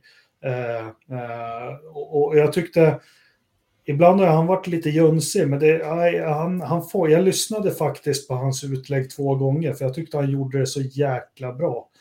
Eh, och budskapet var, men ja, ja, så fort någon säger något så kommer det ut någonting på Instagram eller vad som helst som de har färdigtryckt redan, men gör något istället. Eh, och jag tycker det är viktigt för alla oss att tänka på. Det är så jäkla Eh, Eh, jag tycker inte någon har gjort rätt, men liksom att en 70-årig Piqué har suttit i en podd i Brasilien i oktober och sagt någonting som han inte tycker är något. Alltså de som gräver fram en sån sak och gör cirkus av det har också ett ansvar. Eh, men jag tyckte, nej fan Lewis, du, du växer i mina ögon enormt mycket. Det var det jag ville ha sagt. Ja, sen så kom vi ta om den här Jure Vips också som fick foten från Red Bull Junior-stallet nu då. Och... Han har ett F2-stall som gör helt rätt bara. Du, han, killen är ung, han har gjort ett... De försvarar inte hans misstag, men fan, han måste väl få göra misstag han med. Ja, exakt. Det var ju både Lando Norris och Max Verstappen sa ju det att du kan ju inte liksom för minsta lilla förstöra karriären för folk. Nej, det är den här jävla blodtörsten som är som, ja. det är den som är så hemsk. Eh, den ja. är nästan lika hemsk som, som de här orden som uttalas och allting, med just den här blodtörsten. Och vet ni vad? Eh, med mitt påbrå så säger jag bara så här, den som är fri från synd kastar första stenen, eller hur Anders? Jag lägger mig inte i den här debatten. Nej. Och jag citerar aldrig bil, Bibeln, eller vad du nu citerade. Nej, jag ska fan gräva fram något du skrev på Forsa-forumet 98 här nu. Gör det, lycka till. ja, exakt. Nej, men det är det det går ut på. För, ja. Nej, vi är ingen diskussion. Jag ville bara säga, jag ville bara hylla Lewis Hamilton, för ibland kan jag göra mig löjlig över honom. Jag tyckte han, eh, det var första gången jag hörde honom, äh, men det var ett väldigt bra utlägg han hade kring allt det här. Eh, jag tyckte det var starkt av honom och bra. Det var det jag ville ha sagt. Ja, ja men uh, sen, sen, att han fick uh, eh, 90% av frågorna den där dagen. Jag tänkte ju fråga Nicolas Latifi om han tänker vara kvar i F1 nästa år, men han fick aldrig chansen. Nej, fan det har jag inte tänkt, skulle jag säga. probably, probably gonna, gonna put it up after the, after the season. Typ någonting sånt skulle jag ha sagt. Ja, men det verkar ju som det här Piastris. Uh, det skulle blivit klart den här helgen och men uh, det verkar inte hända så mycket där. Och nu börjar ju den här Logan Surgeon som vann F2-loppet och ett, ett trea i Formel 2 och bästa rookie. Och han är Williams, han är till Williams-akademin och är från USA. Så han börjar segla upp som en kandidat istället för Latifi också. Mm. Uh, en, en amerikan som faktiskt kör i F2. Och F1 vill ju ha in en amerikan. Vad, vad tror du om det? Skulle det inte vara bättre för William att satsa på en egen produkt än att uh, ta in en Piastri? Fast vi, ja. Sen har vi faktiskt en grej till och det är att uh, problemet med bil nummer tre börjar bli akut. Jaha. Kommer uh, Bil nummer kan tre? det, kan, ja, men vad heter han? Danny Rick. Jaså? Du tänker på, du tänker på nu hade väl han något problem med DRSen försökte de säga, men liksom uh, det finns ingen väg ut här nu och uh, var det Jacques Villeneuve som uttalade sig Ja men släpp han från kontraktet, fortsätt betala hans lön, men ta in någon som är snabb så kommer stallet tjäna på till slutändan. För i och med att han är så långsam så hjälper han ju inte någonting med bilen heller. Uh, jag älskar Danny Ricciardo, eller Daniel Ricciardo. Uh, men det här är inget kul att se. Nej, han behöver en helt ny start. Så är det bara. Mm. Helst ja. Indycar. Ja. Vilket jag tycker vi ska börja prata om nu. men uh, det är lite kul ändå för uh, han lämnar ju Renault där för några år sedan ett kontrakt lite för tidigt. Bara för att gå till McLaren och... Tror ni... Inte för tidigt heller. Han, han, han, han, det var väl ett optionsår bara som han, som han ja. inte tog. Ja, men Abiti Bull var ju inte alls nöjd med det här beslutet. Han hade ju liksom... Ja, han har ju inte varit nöjd med någonting de senaste 30 åren. ja, men, men liksom Abiti Bull tyckte väl att han var där och cashade upp sig och liksom sprang vidare så fort det blev en ledig plats hos McLaren. Ja, ja, ja. Alltså, han... jag tror att det tog hårt på Abiti Bulls psyke. Ja, förlåt, du ska prata på. Ja, nej men det var ju det jag sa just. Lite som du sa där också. Att Abiti Bull tog lite på näsan när Ricciardo gjorde så. det var nog, han satte nog stor, mycket personlig liksom, prestige i det, att ta, ta med sig eh, så, vet du, Ricardo som skulle lyfta stallet och så blev det väl kanske inte riktigt så. Mm. Mm. Ja, ja, men skit i Formel 1 då. Eh, Österrike, sprintrace nästa vecka, kanske hinner pilla in någon kvalpodd. Vi får se vad, vad det blir. Men nu tycker jag vi tar och simmar över till andra sidan Atlanten, eller hur Anders? Ja, tack!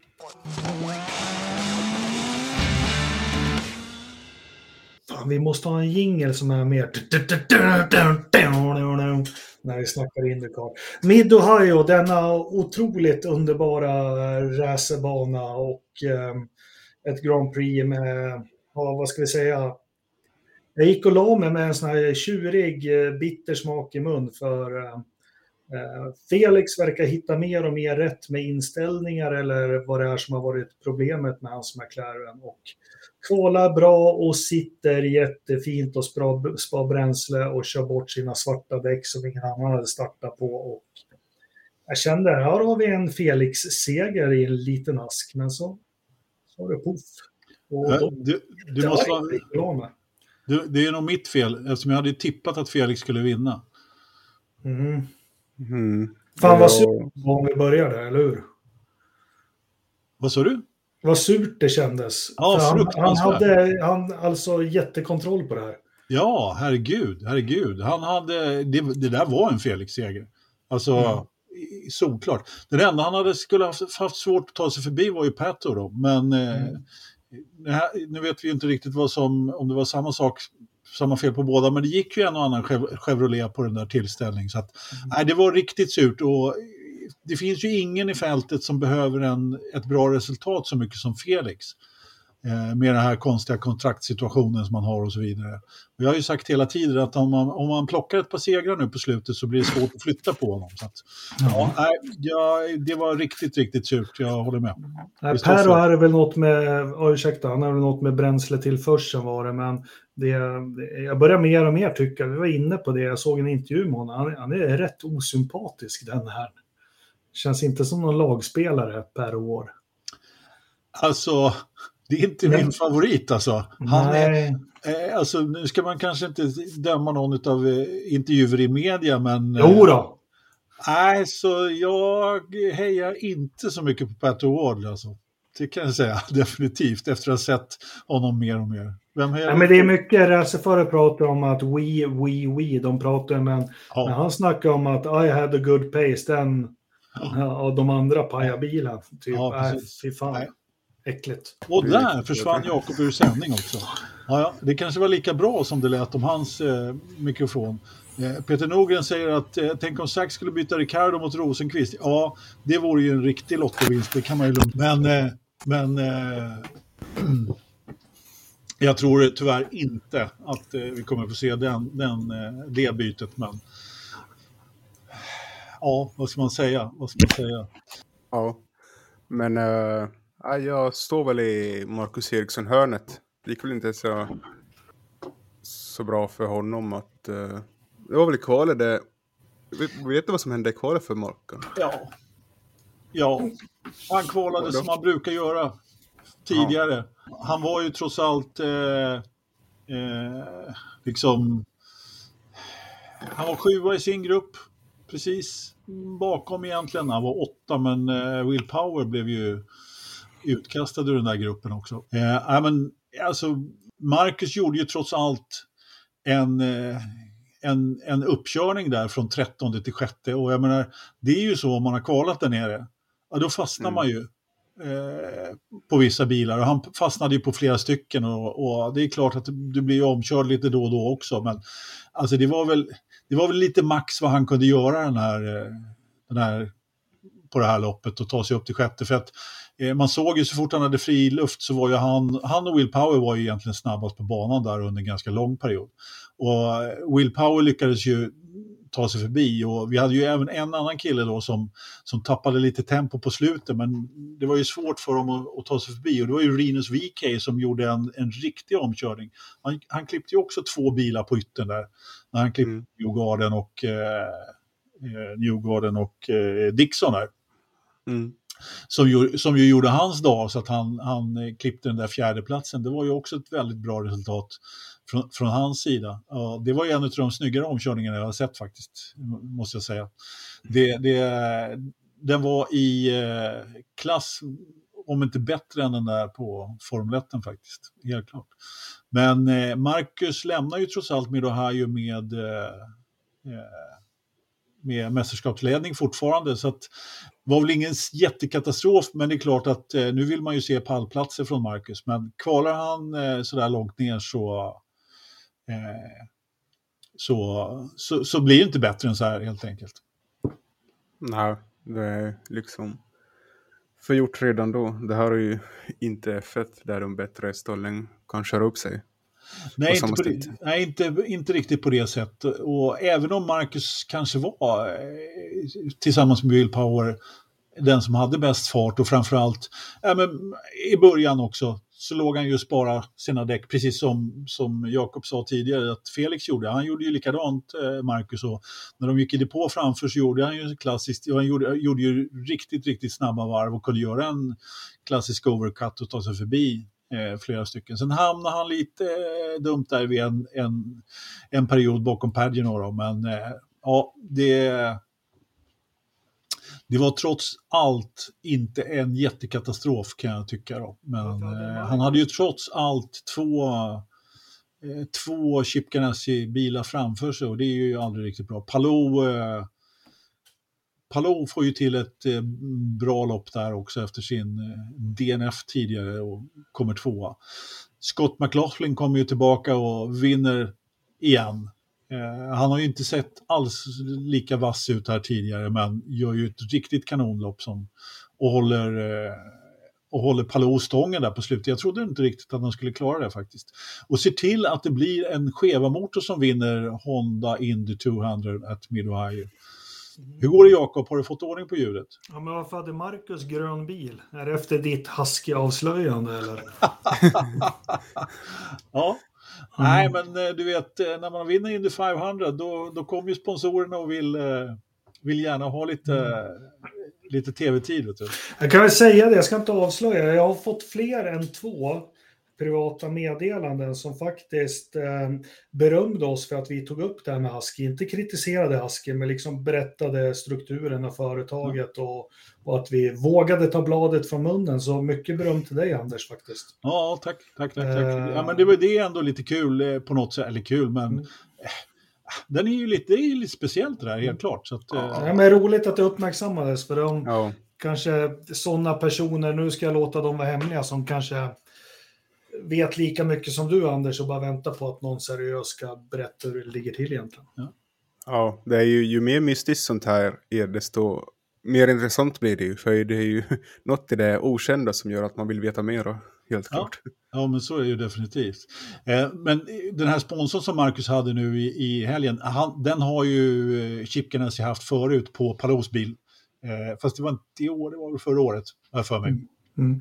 Nej, men eh, vedertaget för hela loppet, något jag sitter och tänker mycket på. Vi pratar ju, Andretti-bilarna lyckas köra ihop eh, i parti om nu, men alla har ju chansen att vinna, men fan när vi räknar ihop det till slut varenda lapp så är det, det är eh, Ganassi, det är Penske-bilar och eh, nu börjar McLaren vara med och hugga lite, men de, de är alltid där uppe där ändå, vet du. Ja, ja, men visst är det så. Alltså Andretti hade ju en riktigt dålig dag igår. Hela Andretti egentligen med, med Rossi då som först trycker ut eh, Grosjean och alltså nu tycker jag att Grosjean kanske var lite helt på gröten då, då men två varv på raken håller de på att köra av varandra. Jag vet inte vad ni tyckte om den. Såg du den Kristoffer? Ja, Nej, men jag har väl aldrig känt att Andretti har varit någon sån här stall med ordning och reda och harmoni. Det är väl mest för att de har så jävla färgglada bilar till höger och vänster. Ja, jo, det är sant, det är sant. Och Rossi då som ska lämna dessutom blir ju lite Svarte Petter där naturligtvis. Men alltså han, han, det kändes som att han hamnade liksom ett halvt varv bakom eller vad man ska säga. Liksom. Att det, det, var, det var liksom inget... Han hamnade, han, så snabb som han varit här tidigare lopp så lika, lika, lika snett hamnade han här.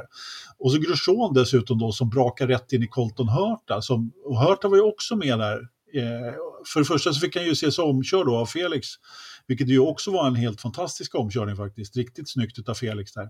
Och eh, Hörta som inte brukar vara den som, som är den, så att säga, han, han eh, fick nöja sig med att hålla sig bakom där. Men, och så blir han avkörd igen så att han hamnar långt, långt ner i resultatlistan. Alltså.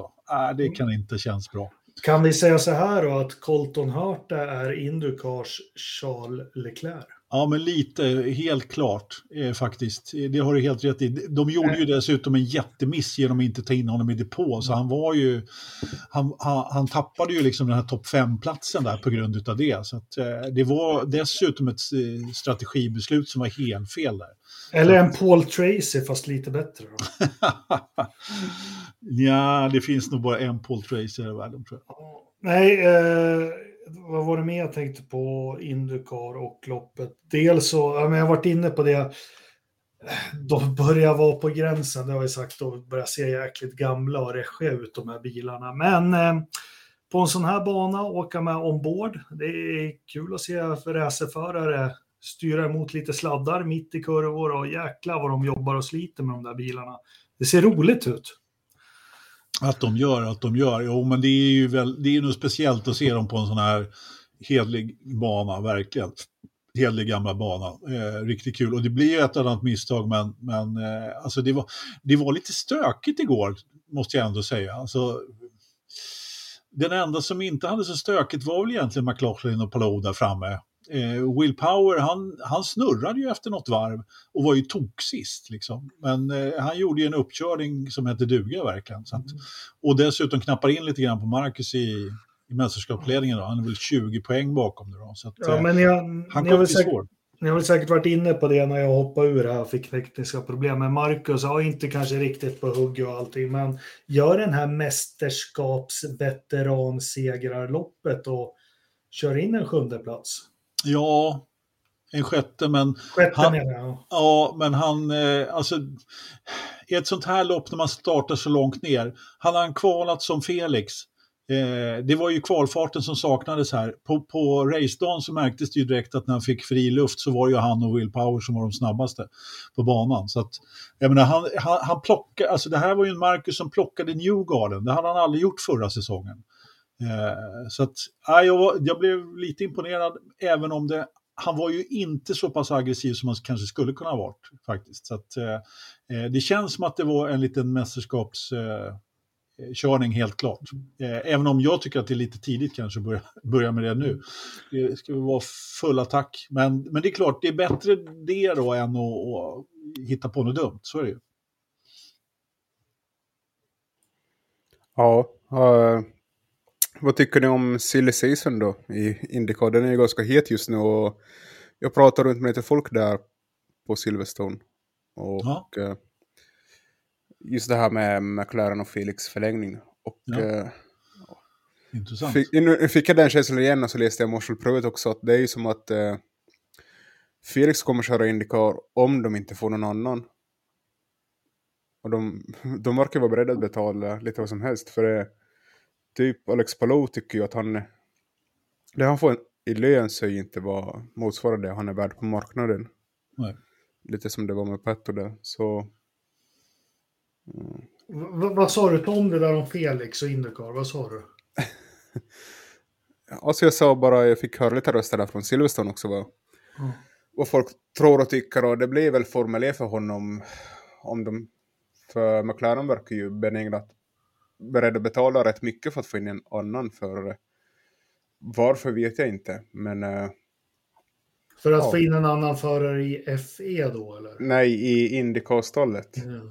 Den typ tredje Alex... bilen som inte är ja. klar. Exakt. Alex Palou är väl en av dem som står på listan, men uh, varför är man så här... Ja, varför är man så benägen med att få in någon annan än Felix? Vad tror ni? Ja, men det är det som är det konstiga. Eh, och, och, det är därför jag säger att eh, det finns ju ingen som behöver ett så bra resultat, åtminstone inte ur vår synvinkel, som Felix. Eh, men ja, jag vet inte Engelmark, vad säger du? Ja, men allt är bara konstigt och jag hoppas att det eh, klarnar. Eh, det här kontraktet och, och, och allting. Eh, eller är det att han inte trivs i USA och vill bo i Monaco? Ja, men jag har fått för mig att Felix har nog inget emot och, Men nu kör de ju inte bara i Europa, de kör överallt. Men eh, minsta lilla paus de har där så vänder han hem till Monaco och kallar det hemma. Han trivs ju nog väldigt bra där. Och, och eh, han tyckte väl inte det var jättetrist att köra Formel 1 när han gjorde det i, vad heter de, Mihandra? Mi, mi, eh, jag vet ja. inte, men jag, jag, vill ha kvar honom i Indycar, det är rent egoistiskt. Men hoppas han gör det som är bäst för hans karriär och får det som är bäst. Men det är ju lovande liksom att ha en fabriksstyrning med McLaren. De vill ju de vill inte se honom någon annanstans. Ja, men vi vill ju inte mm. se en, eh, vad hette han då, eh, skåningen där, från Tomelilla Eriksson som, som tackar nej till en fullt betald F2-styrning och kör ett, eller två, ett år i DTM och sen så blir avpoliterad. Liksom. Eh, mm. Jag menar, nej, eh, nej, det är inte bra. Inte bra alls. Nej, men vi får väl se var, vart det barkar någonstans. Ett fabrikskontrakt är alltid ett fabrikskontrakt som vi brukar säga, men jag hoppar, hoppas också att eh, Felix blir kvar såklart.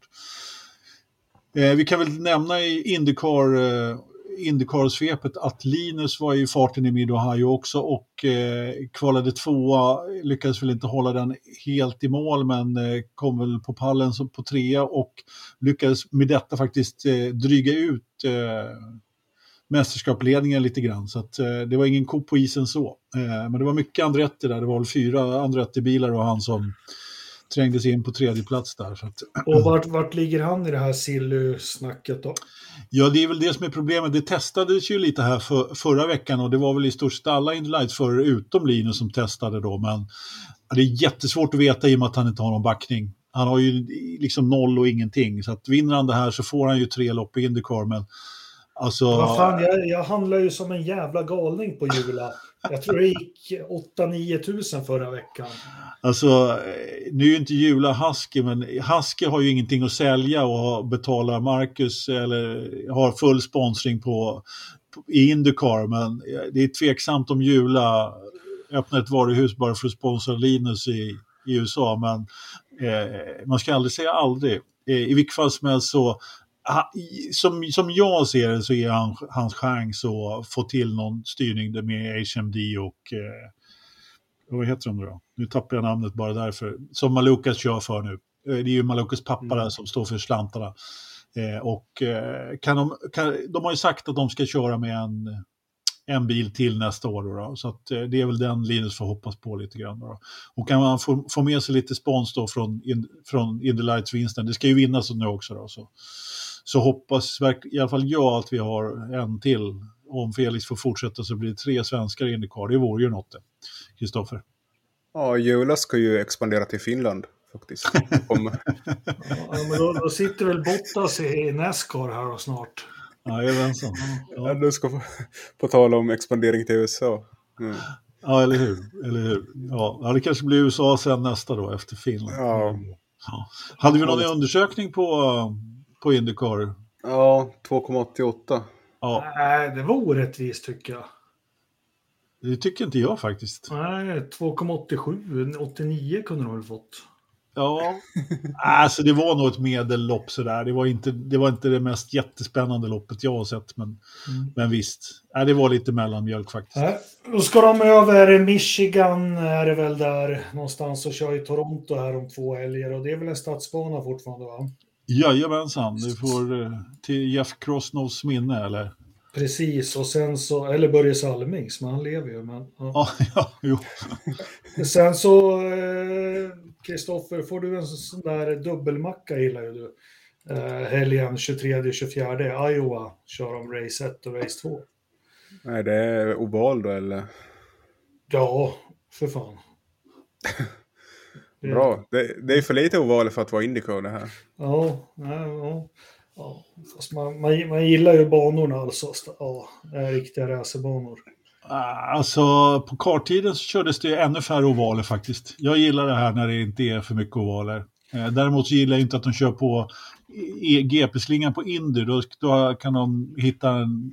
Det finns ju så mycket fina racerbanor i USA som de skulle kunna köra på istället. Så. Men eh, det är väl kostnad också. Alla stallen bor där och det är lätt att ta sig dit och hela, hela kittet. Ja, men 1.30. Ska vi stänga in du Karo och så smäller du på en jingel får vi se vad du vill prata om nu då Kristoffer. Vi har ju glömt, vi har ju glömt tippa vinnare för helgens lopp. Både F1 och Indycar. Har vi? Ja men Verstappen han vinner ju, han kommer ju vinna, han, han vinner hur lätt som helst allting. Men, men, men jag sa ju förra veckan att Sainz skulle vinna Storbritanniens VM och Anders och Christian satt och skrattade. Jo men de, de är de, de är mobbare, har du inte märkt det? Det är ju mobbare. Ja, Ja, översittare. Ja. ja verkligen. Jag, jag, kan, jag kan lägga till ett epitet för mig där. Eh, Jag är också Sveriges sämsta tippare. Alla kategorier. Ja, man behöver, inte man behöver inte skratta på de andra för det. Jo, Nej. något kul måste vi också få ha. Ja. Ja. Jag men står det var ju- alltid på din sida Kristoffer, på de svagast. De här, ja. Ja, Jag ska prata komma- med Anders och Christians eh, eh, föräldrar faktiskt där i veckan. Lycka till. Vilket medium ska du använda? ja, jag vet inte. Det. Jo, men vad fan, jag träffar ju... Jo, jag vet precis vilket medium jag ska eh, använda. Jag träffar ju han vi har letat efter i 14 månader. Det är ju den. Ja, jag drog på honom. Vi håller ju i Leksand där, stod han på, utanför ishallen och hojtade. Så träffade jag hans mycket förtjusande fru Tanja. Eh, helt eh, underbar kvinna som hade någon yogatillställning och då. Men hon jobbar även som medium, så jag tar hjälp av henne för att försöka få dig att bli snäll och vänlig mot Kristoffer när han tippar. Alltså, ja, ja, tack, tack. Annars så var jag på festen som jag var i lördag så var det en spåkvinna faktiskt. Hon hade eget tält där och grejer. Så att, eh, Anders, Ja. du ska inte åka till eh, Christiania någon mer, det har vi sagt liksom. det här var Ah, ah, ja. länge faktiskt. Fan. Okej, övrig motorsport. Det har ju varit... Jag vet ingenting, men allt från F2 till någon Alfsud-klass eller... Nej, men vi, har ju Bring it redan, on, Anders. vi, har, ja, men vi har ju redan nämnt att eh, Logan Sargent vann eh, feature-racet där i, i F2 och eh, vi behöver väl inte gå igenom det jättemycket annat än att eh, det, det var ju en specifik händelse där som vi egentligen måste, som vi måste ta upp. Eh, eh, såg du kraschen, eh, Kristoffer? Ja, Roy Nissane som eh, ger för lite utrymme till vår norska vän Dennis Hauger Mm, i alltså- featureloppet. Mm. Alltså det var ju en, en riktig olycka. Alltså, och jag menar, många sa att Nissan får skylla sig själv. Jag vet inte det, ja, men alltså, han är ju också en sån här som har varit med hur länge som helst. Och som, alltså, han är, det är inget roligt att se honom på banan. Han har ju fått, eh, fått och fått, han har ju betalat sig till en och annan testkörning i Williams också. Men Karn har ju fan inte någon racecraft alltså. Han, han är inte snabb trycker ut Hauger. Hauger försöker liksom... Han, han kommer väl med låsta bromsar där och kommer ju rätt fram emot eh, liksom banan när den svänger och kör på en sån här sausage curb och eh, landar ju i princip rätt i halen på, på Roy Nissane. Det ser rätt läskigt Ja. ut faktiskt. Ja, alltså måste jag nämna där att eh, det är ju Haugers höga fram som går sönder helt enkelt. Det hänger liksom bara däcket runt fälgen. Precis, han kan det- inte styra. Ja, han kan inte styra, han kan inte bromsa. För man ser liksom först, det ser lite märkligt ut att han liksom gasar rakt ut in på banan igen. Men han gör ju inte det med flit. Och sen har vi de här korvkurbsen då, som det blir på svenska. eh, som igen gör att han blir luftburen och Ko- Korvkantsten på svenska. ja, det då. Så ja, nej, de vill ju ha bort de här korvkantstenarna men uh, Ja, tydligen så måste det gå riktigt dåligt innan de fattar det. Alltså det har ju gått dåligt några gånger. Det, jag menar, det satt ju en på Monza där så att eh, en fick sig en rejäl flygtur där i parabolikan och höll Fast på att landa blir- på en stolpe. Jag blir förvånad ändå, för Silverstone har väl GP, MotoGP-status. Ja, Och det är inte en curb så långt jag såg som var mer än en centimeter hög på hela banan. Så varför har de den där kurven där? Men de ligger ju lite, det här är ju liksom lite utanför banan. Så, att, så de, de ska ju stoppa det för att det, det här med track limits. Jag menar på en gammal bana så hade det här varit en sandfålla. Och det är lite det som är problemet, att kommer man från fel håll på de här sausage curben, då blir det ju luftburen. Liksom. Menar, hade du, hade du liksom brakat över den där på, eh, åt sidan liksom i kurvan, ja men då hade det inte varit någon fara. Utan här, här, här får den ju liksom motverkande syfte mot vad, vad den är till för. Eh, och det var någon av formuler W-seriesförarna där som, som var väldigt eh, irriterad på den där rackaren också. Så att, mm. Jag vet inte, men eh, vi, kan väl, eh, vi kan väl bara, vi kan väl bara släppa F2 tycker jag och, eh, och gå vidare eh, med F3. Där hade du något bra lopp på att referera, Kristoffer. Ja, men det var ju ett bra lopp på söndagen i alla fall i F3. Mycket händelserikt och fight om segern och nu ringer min telefon och ja. Alltså ljudlöst, har du hört talas om det? Ja. Men, jag har hört talas om en murvel som inte tar ett samtal. det här kunde ju varit skopet du... Ja. ja. Nej men, men det, kolla någon annan Formel 3-race du. Nej, jag har, sett, jag har sett så dåligt med, vet du, med, med motorsport i helgen så att det är, det är larvigt åt det nästan faktiskt. Det, det har varit sån torka här så att jag vet inte. Men eh, jag såg att eh, Arthur eh, Leclerc vann eh, feature-racet va? Mm. Exakt. Med den... Eh, det var väl dags ändå för honom att börja vinna lite. Han, eh, ja. och Prema, Prema har inte vunnit någonting hittills i år. Nej. Men de är ju liksom, the book i alla fall, så är de, anses ju de vara det bästa stallet i F3. Så. Ja. Men jag tycker den här Isaac Hadja ska ni bara hålla ögonen på. Han är en, en uh, han är från Algeriet, ganska ung kille. Men kör under fransk flagg. För det är ju en före detta fransk koloni, Algeriet. 17 år och är Red Bull Junior och han liksom gör ju omkörningar faktiskt i Formel 3. Där det, inte det lättaste att köra om. Så eh, det känns som det här kan bli en ny, en ny Verstappen småningom om det får, om det får fortsätta. Ligger trea ja. i VM just nu.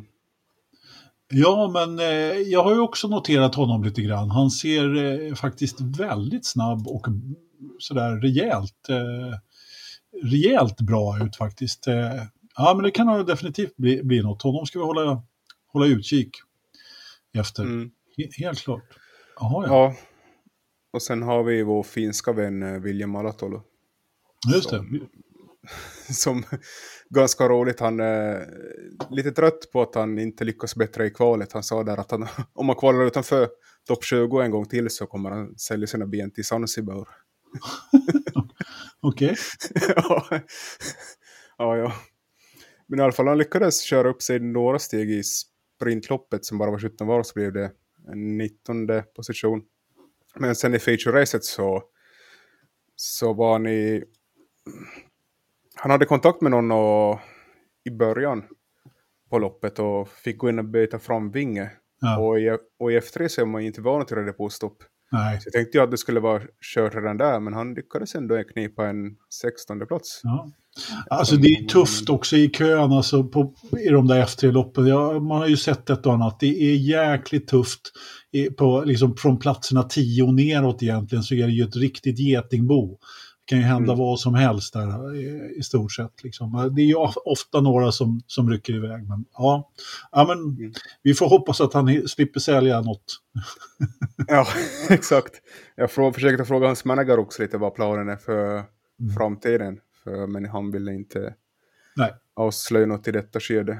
Det är väl svårt, svårt att säga något kanske. Men äh, tanken är att han ska fortsätta köra i alla fall. Inte som de här andra finländarna som har kommit till F3 och sen äh, när de, degen är slut åker man hem till Finland och börjar på universitetet. Ja, okej. Okay.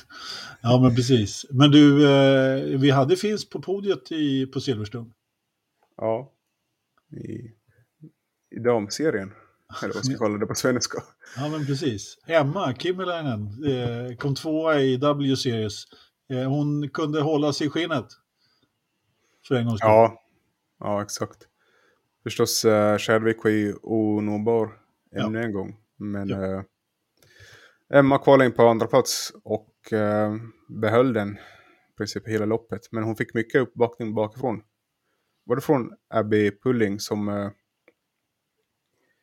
ja, det var typ sista varet, de trodde det var sista varet, så hon gjorde en väldigt optimistisk omkörning på henne.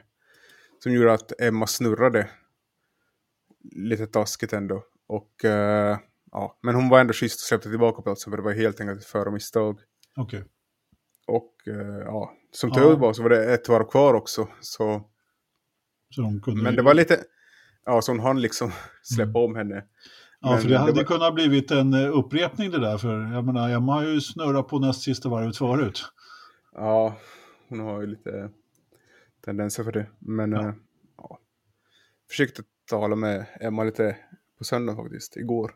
Mm. Uh, men hon, förstås, sen så tycker hon också att kanske nivån på förarna i VCRS är lite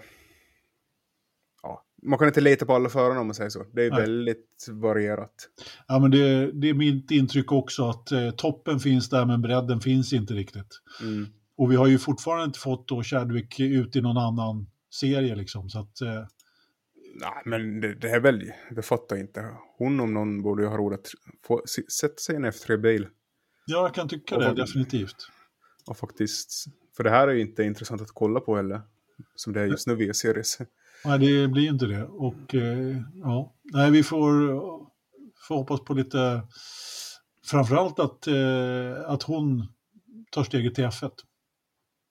Ja. Åh, tjena.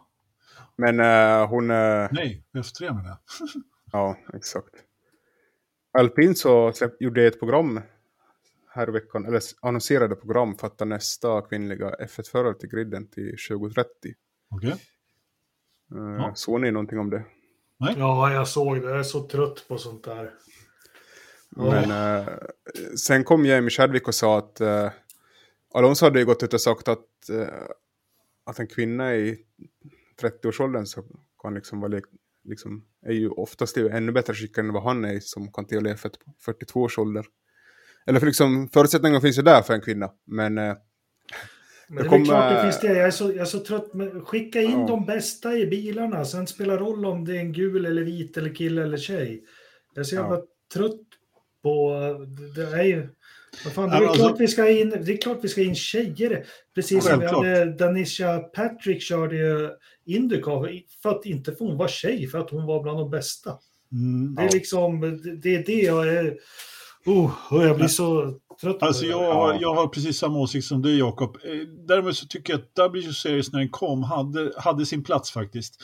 I och med att det kan vara svårt för eh, alltså kvinnor i motorsport. Eh, vi har haft den här diskussionen förut, vi behöver inte dra den i långbänk överhuvudtaget. Men eh, som det ser ut nu på W-series tredje säsong så, så har den tappat tappat lite grann i och med att eh, segraren inte har gått vidare. Det är det jag säger. Och att det inte mm. finns någon bredd. Och då, måste det, mm. då skulle det vara intressant mm. att snacka med Milla eller Alex eller, och, och, och liksom... Mm. Ja, nu, nu tar Ferrari in, det är jättefint tjejer och publicitet och, och, och, och de får chansen att köra. Men fan, hjälp dem att hamna på samma nivå som killarna när de är unga. Och, och så skiter vi att få in en kille eller tjej i bilen. Vi bara får in de snabbaste. Ja, jag måste ja. säga att jag tycker att det ser ut som att, eh, att eh, nästa generation så kommer det vara mer blandat. Eh, mm. Åtminstone härifrån så, mm. så syns, syns, det ju tydligt att det är fler tjejer i ung ålder som kör go-kart och så vidare. Ja. Så och sen bredd, bredden, det är liksom, ja, men, om 90 procent av alla som börjar köra motorsport är killar så är det ju svårt att få en, en, en kvinnlig bredd. Men jag är så trött på, det är lika så här första svenska kvinnliga statsministern. Jag är så jävla glad att vi har en statsminister som har gått på Harvard som kan prata flera språk och som är smart och allting. Fan, vi lägger ja. ner det där. Ja. Men äh, tillbaka till Chadwicks kommentar så hon själv säger att äh, en kvinna har inte uthålligheten för att köra ett F1-lopp. Bullshit. Bullshit. Ja, jag vet inte varför hon sa det. Men... Då får hon, träna, då får hon väl träna hårdare då.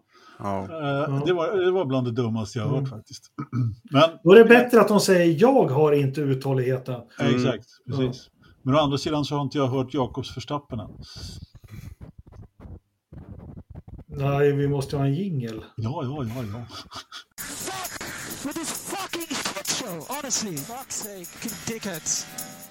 Mm. Dickheads och fucking och, och folk säger att jag är under bältet, herregud. Eh, det vart ju några fack från Förstappen nu på radion igen. Eh, Eh, vad ska vi ta då? Nej, men, eh, Verstappen, nej, men Charles Leclerc får bli min veckans Verstappen för han börjar uppvisa tendenser som gjorde att vi hade en punkt som heter, heter veckans Verstappen och det är att göra små kostsamma misstag hela tiden. Charles Leclerc, fast jag gillar honom. Mm. Har du någon, Kristoffer? Ja, uh, som ni såg uh, där på Silverstone så var det ju många kändisar där. Det var ju Gordon Ramsay, Keanu Reeves, uh, några till som jag inte kunde namnet på och Tom Cruise gled in där på söndagen. Vet inte om ni såg det. Och han var ju just hos Mercedes och Hamilton. Och eh, ja, jag hade ju väntat på det här. Jag, jag, skulle gärna ta en bild med Tom Cruise. Jag tycker han är lite häftig, får jag väl erkänna. Så just där innan målgången så står vi där och väntar på att gå in och se segerpodiet. Och liksom, jag står liksom bredvid, går sakta upp bredvid Tom Cruise då och laddar upp liksom med telefonen bredvid och frågar så här, får vi ta en bild? Kan vi ta en bild? Och så kommer liksom Hamiltons äh, säkerhetsgard och knuffar mig rejält undan och säger fan, ska hålla dig bort från Tom Cruise. Så... Ja. Fy fan vad vidrigt! Åh! Ja. Fy fan exakt. vad vidrigt! Åh! Ja, exakt. Åh. Så... Åh. Hamilton och det är samma människor som säger att vi ska save the world och allting och, och, och vad är det, diversity och nej fy fan vad vidrigt. Ja, Åh, vad vidrigt. Och, liksom... Åh, det är det här jag menar med jag blir så förbannad på allting. Med... Lugn och fin nu Jakob. det var en säkerhetsvakt som, som, som tyckte att Kristoffer såg lite hotfull ut. Vem tycker ja. inte det? Mm. Ja, men äh, man får väl vara beredd att ställa upp på en bild när man är på... Du ska fan inte gå och se den där filmen. Jag hade tänkt att göra det med frun i veckan. Glöm det. Jävla äckel. Kan han sitta där i, men... och hoppa upp och ner för han har blivit kär i någon tjej i den där jävla soffan. Ja. Nej men nu var det inte Tom Cruise fel, det var ju Hamiltons... Ja men jag tror ju inte han var ledsen över att det hände. Tror han tog ett möte med den där vakten efteråt och bara du, jag såg vad du gjorde med den där stackars lilla finnen. Eh, det där, så där vill jag inte att du beter dig. Tror du verkligen det? Nej, fy Nej. fan, äckel. Uh. Han är inget cool alls. Mm. Ja. Ja, det var en anekdot. Men i alla fall, jag har stått bredvid Tom Cruise på sin Alltid något, bild. Fast du inte har bildbevis. Hur lång är han då ungefär? Ja, kan han vara 1,80, 1,85? Nej, Tom Cruise är känd för att vara jätte... Jag såg han när han stod bredvid Hamilton. Och de var ungefär lika långa. Jag vet att Hamilton kanske... är 1,74 men han måste ha haft klackskor på sig. 1,80 kanske? Nej, nej, nej, nej. Inte. En, en och sju då. Åh, oh, vänta, jag ska kolla. Åh, oh, herregud. Ja, det är inte lätt. Nej, alltså, vi, alltså, hur ska man hålla reda på sådana där som är tre äpplen höga liksom? Håll käften på dig. ja, han är 1,69. Ja, det ser jag. Mm. Ja, ja, han hade höga klackskor då. Mm. Han måste ha haft det. Mm. Ja, Anders Verstappen.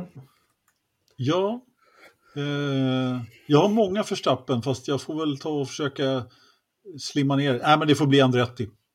Klanen, stallet, allihopa med Brian Hörta i förarsätet som inte kallar in sin son till, eh, till eh, depån.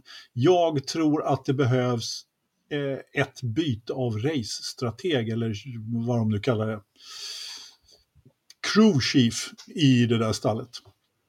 Mm. Jag tycker att eh, Colton Hurta är eh, värd ett bättre öde. Jag tror att pappa skulle må bättre av att, kliva ner. Det är bara en, åtminstone något lopp sådär, för att nu har det blivit så många misstag där. Så att, mm. Men Anders, då gör du så här direkt efter den här podden.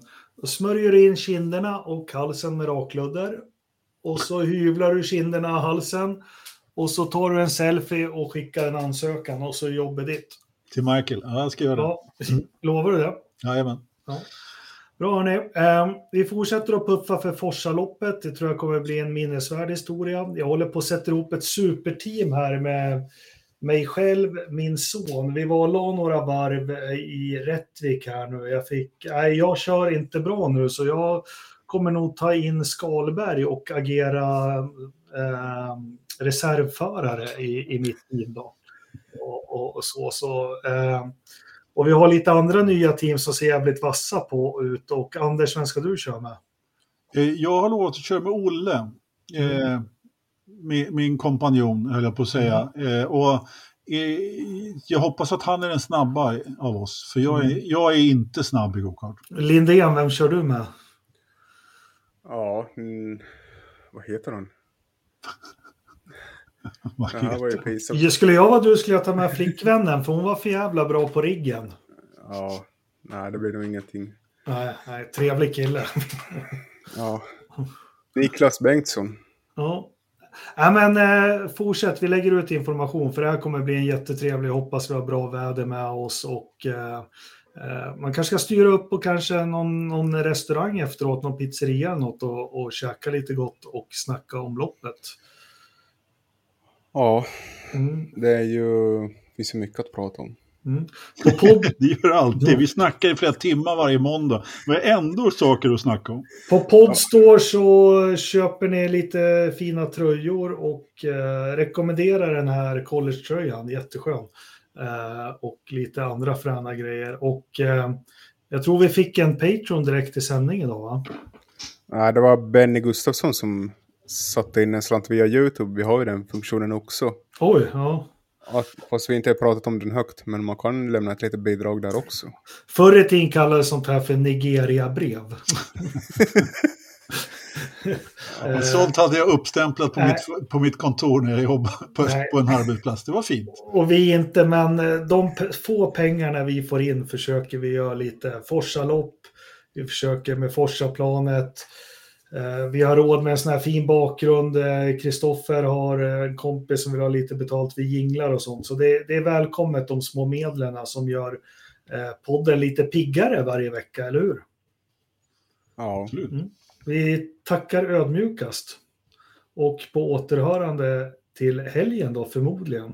Men lugn och fin nu, vi har en programpunkt kvar. Ja, men den hade vi lagt ner. Får jag gissa den här gången? Nej, det får du inte. Du Nej. har inte jag fått... Jo, det kan du få göra om du vill. Ja, jo, men det, nej, nej, kör du. Jag bara tänkte... Eh, som alla vet så håller jag Mm. på att flytta till Leksand och vi- kan ha en punkt gissa temperaturen i Jakobs hus. Och då kan jag säga så här att ni behöver aldrig gissa under 33 grader. Okej, det är så varmt. Ja, hus byggt 69, finns inte en tillstymmelse till ventilation. Nej, nej, nej det ska Nej. man inte ha. Nej, för fan. Det är onödigt. Fullkomligt Nej, onödigt. eh, vi säger så här då, det ser för jävla tråkigt ut vid kåtorna som vanligt. lugn och fin, vi måste ha en jingel först. Ja.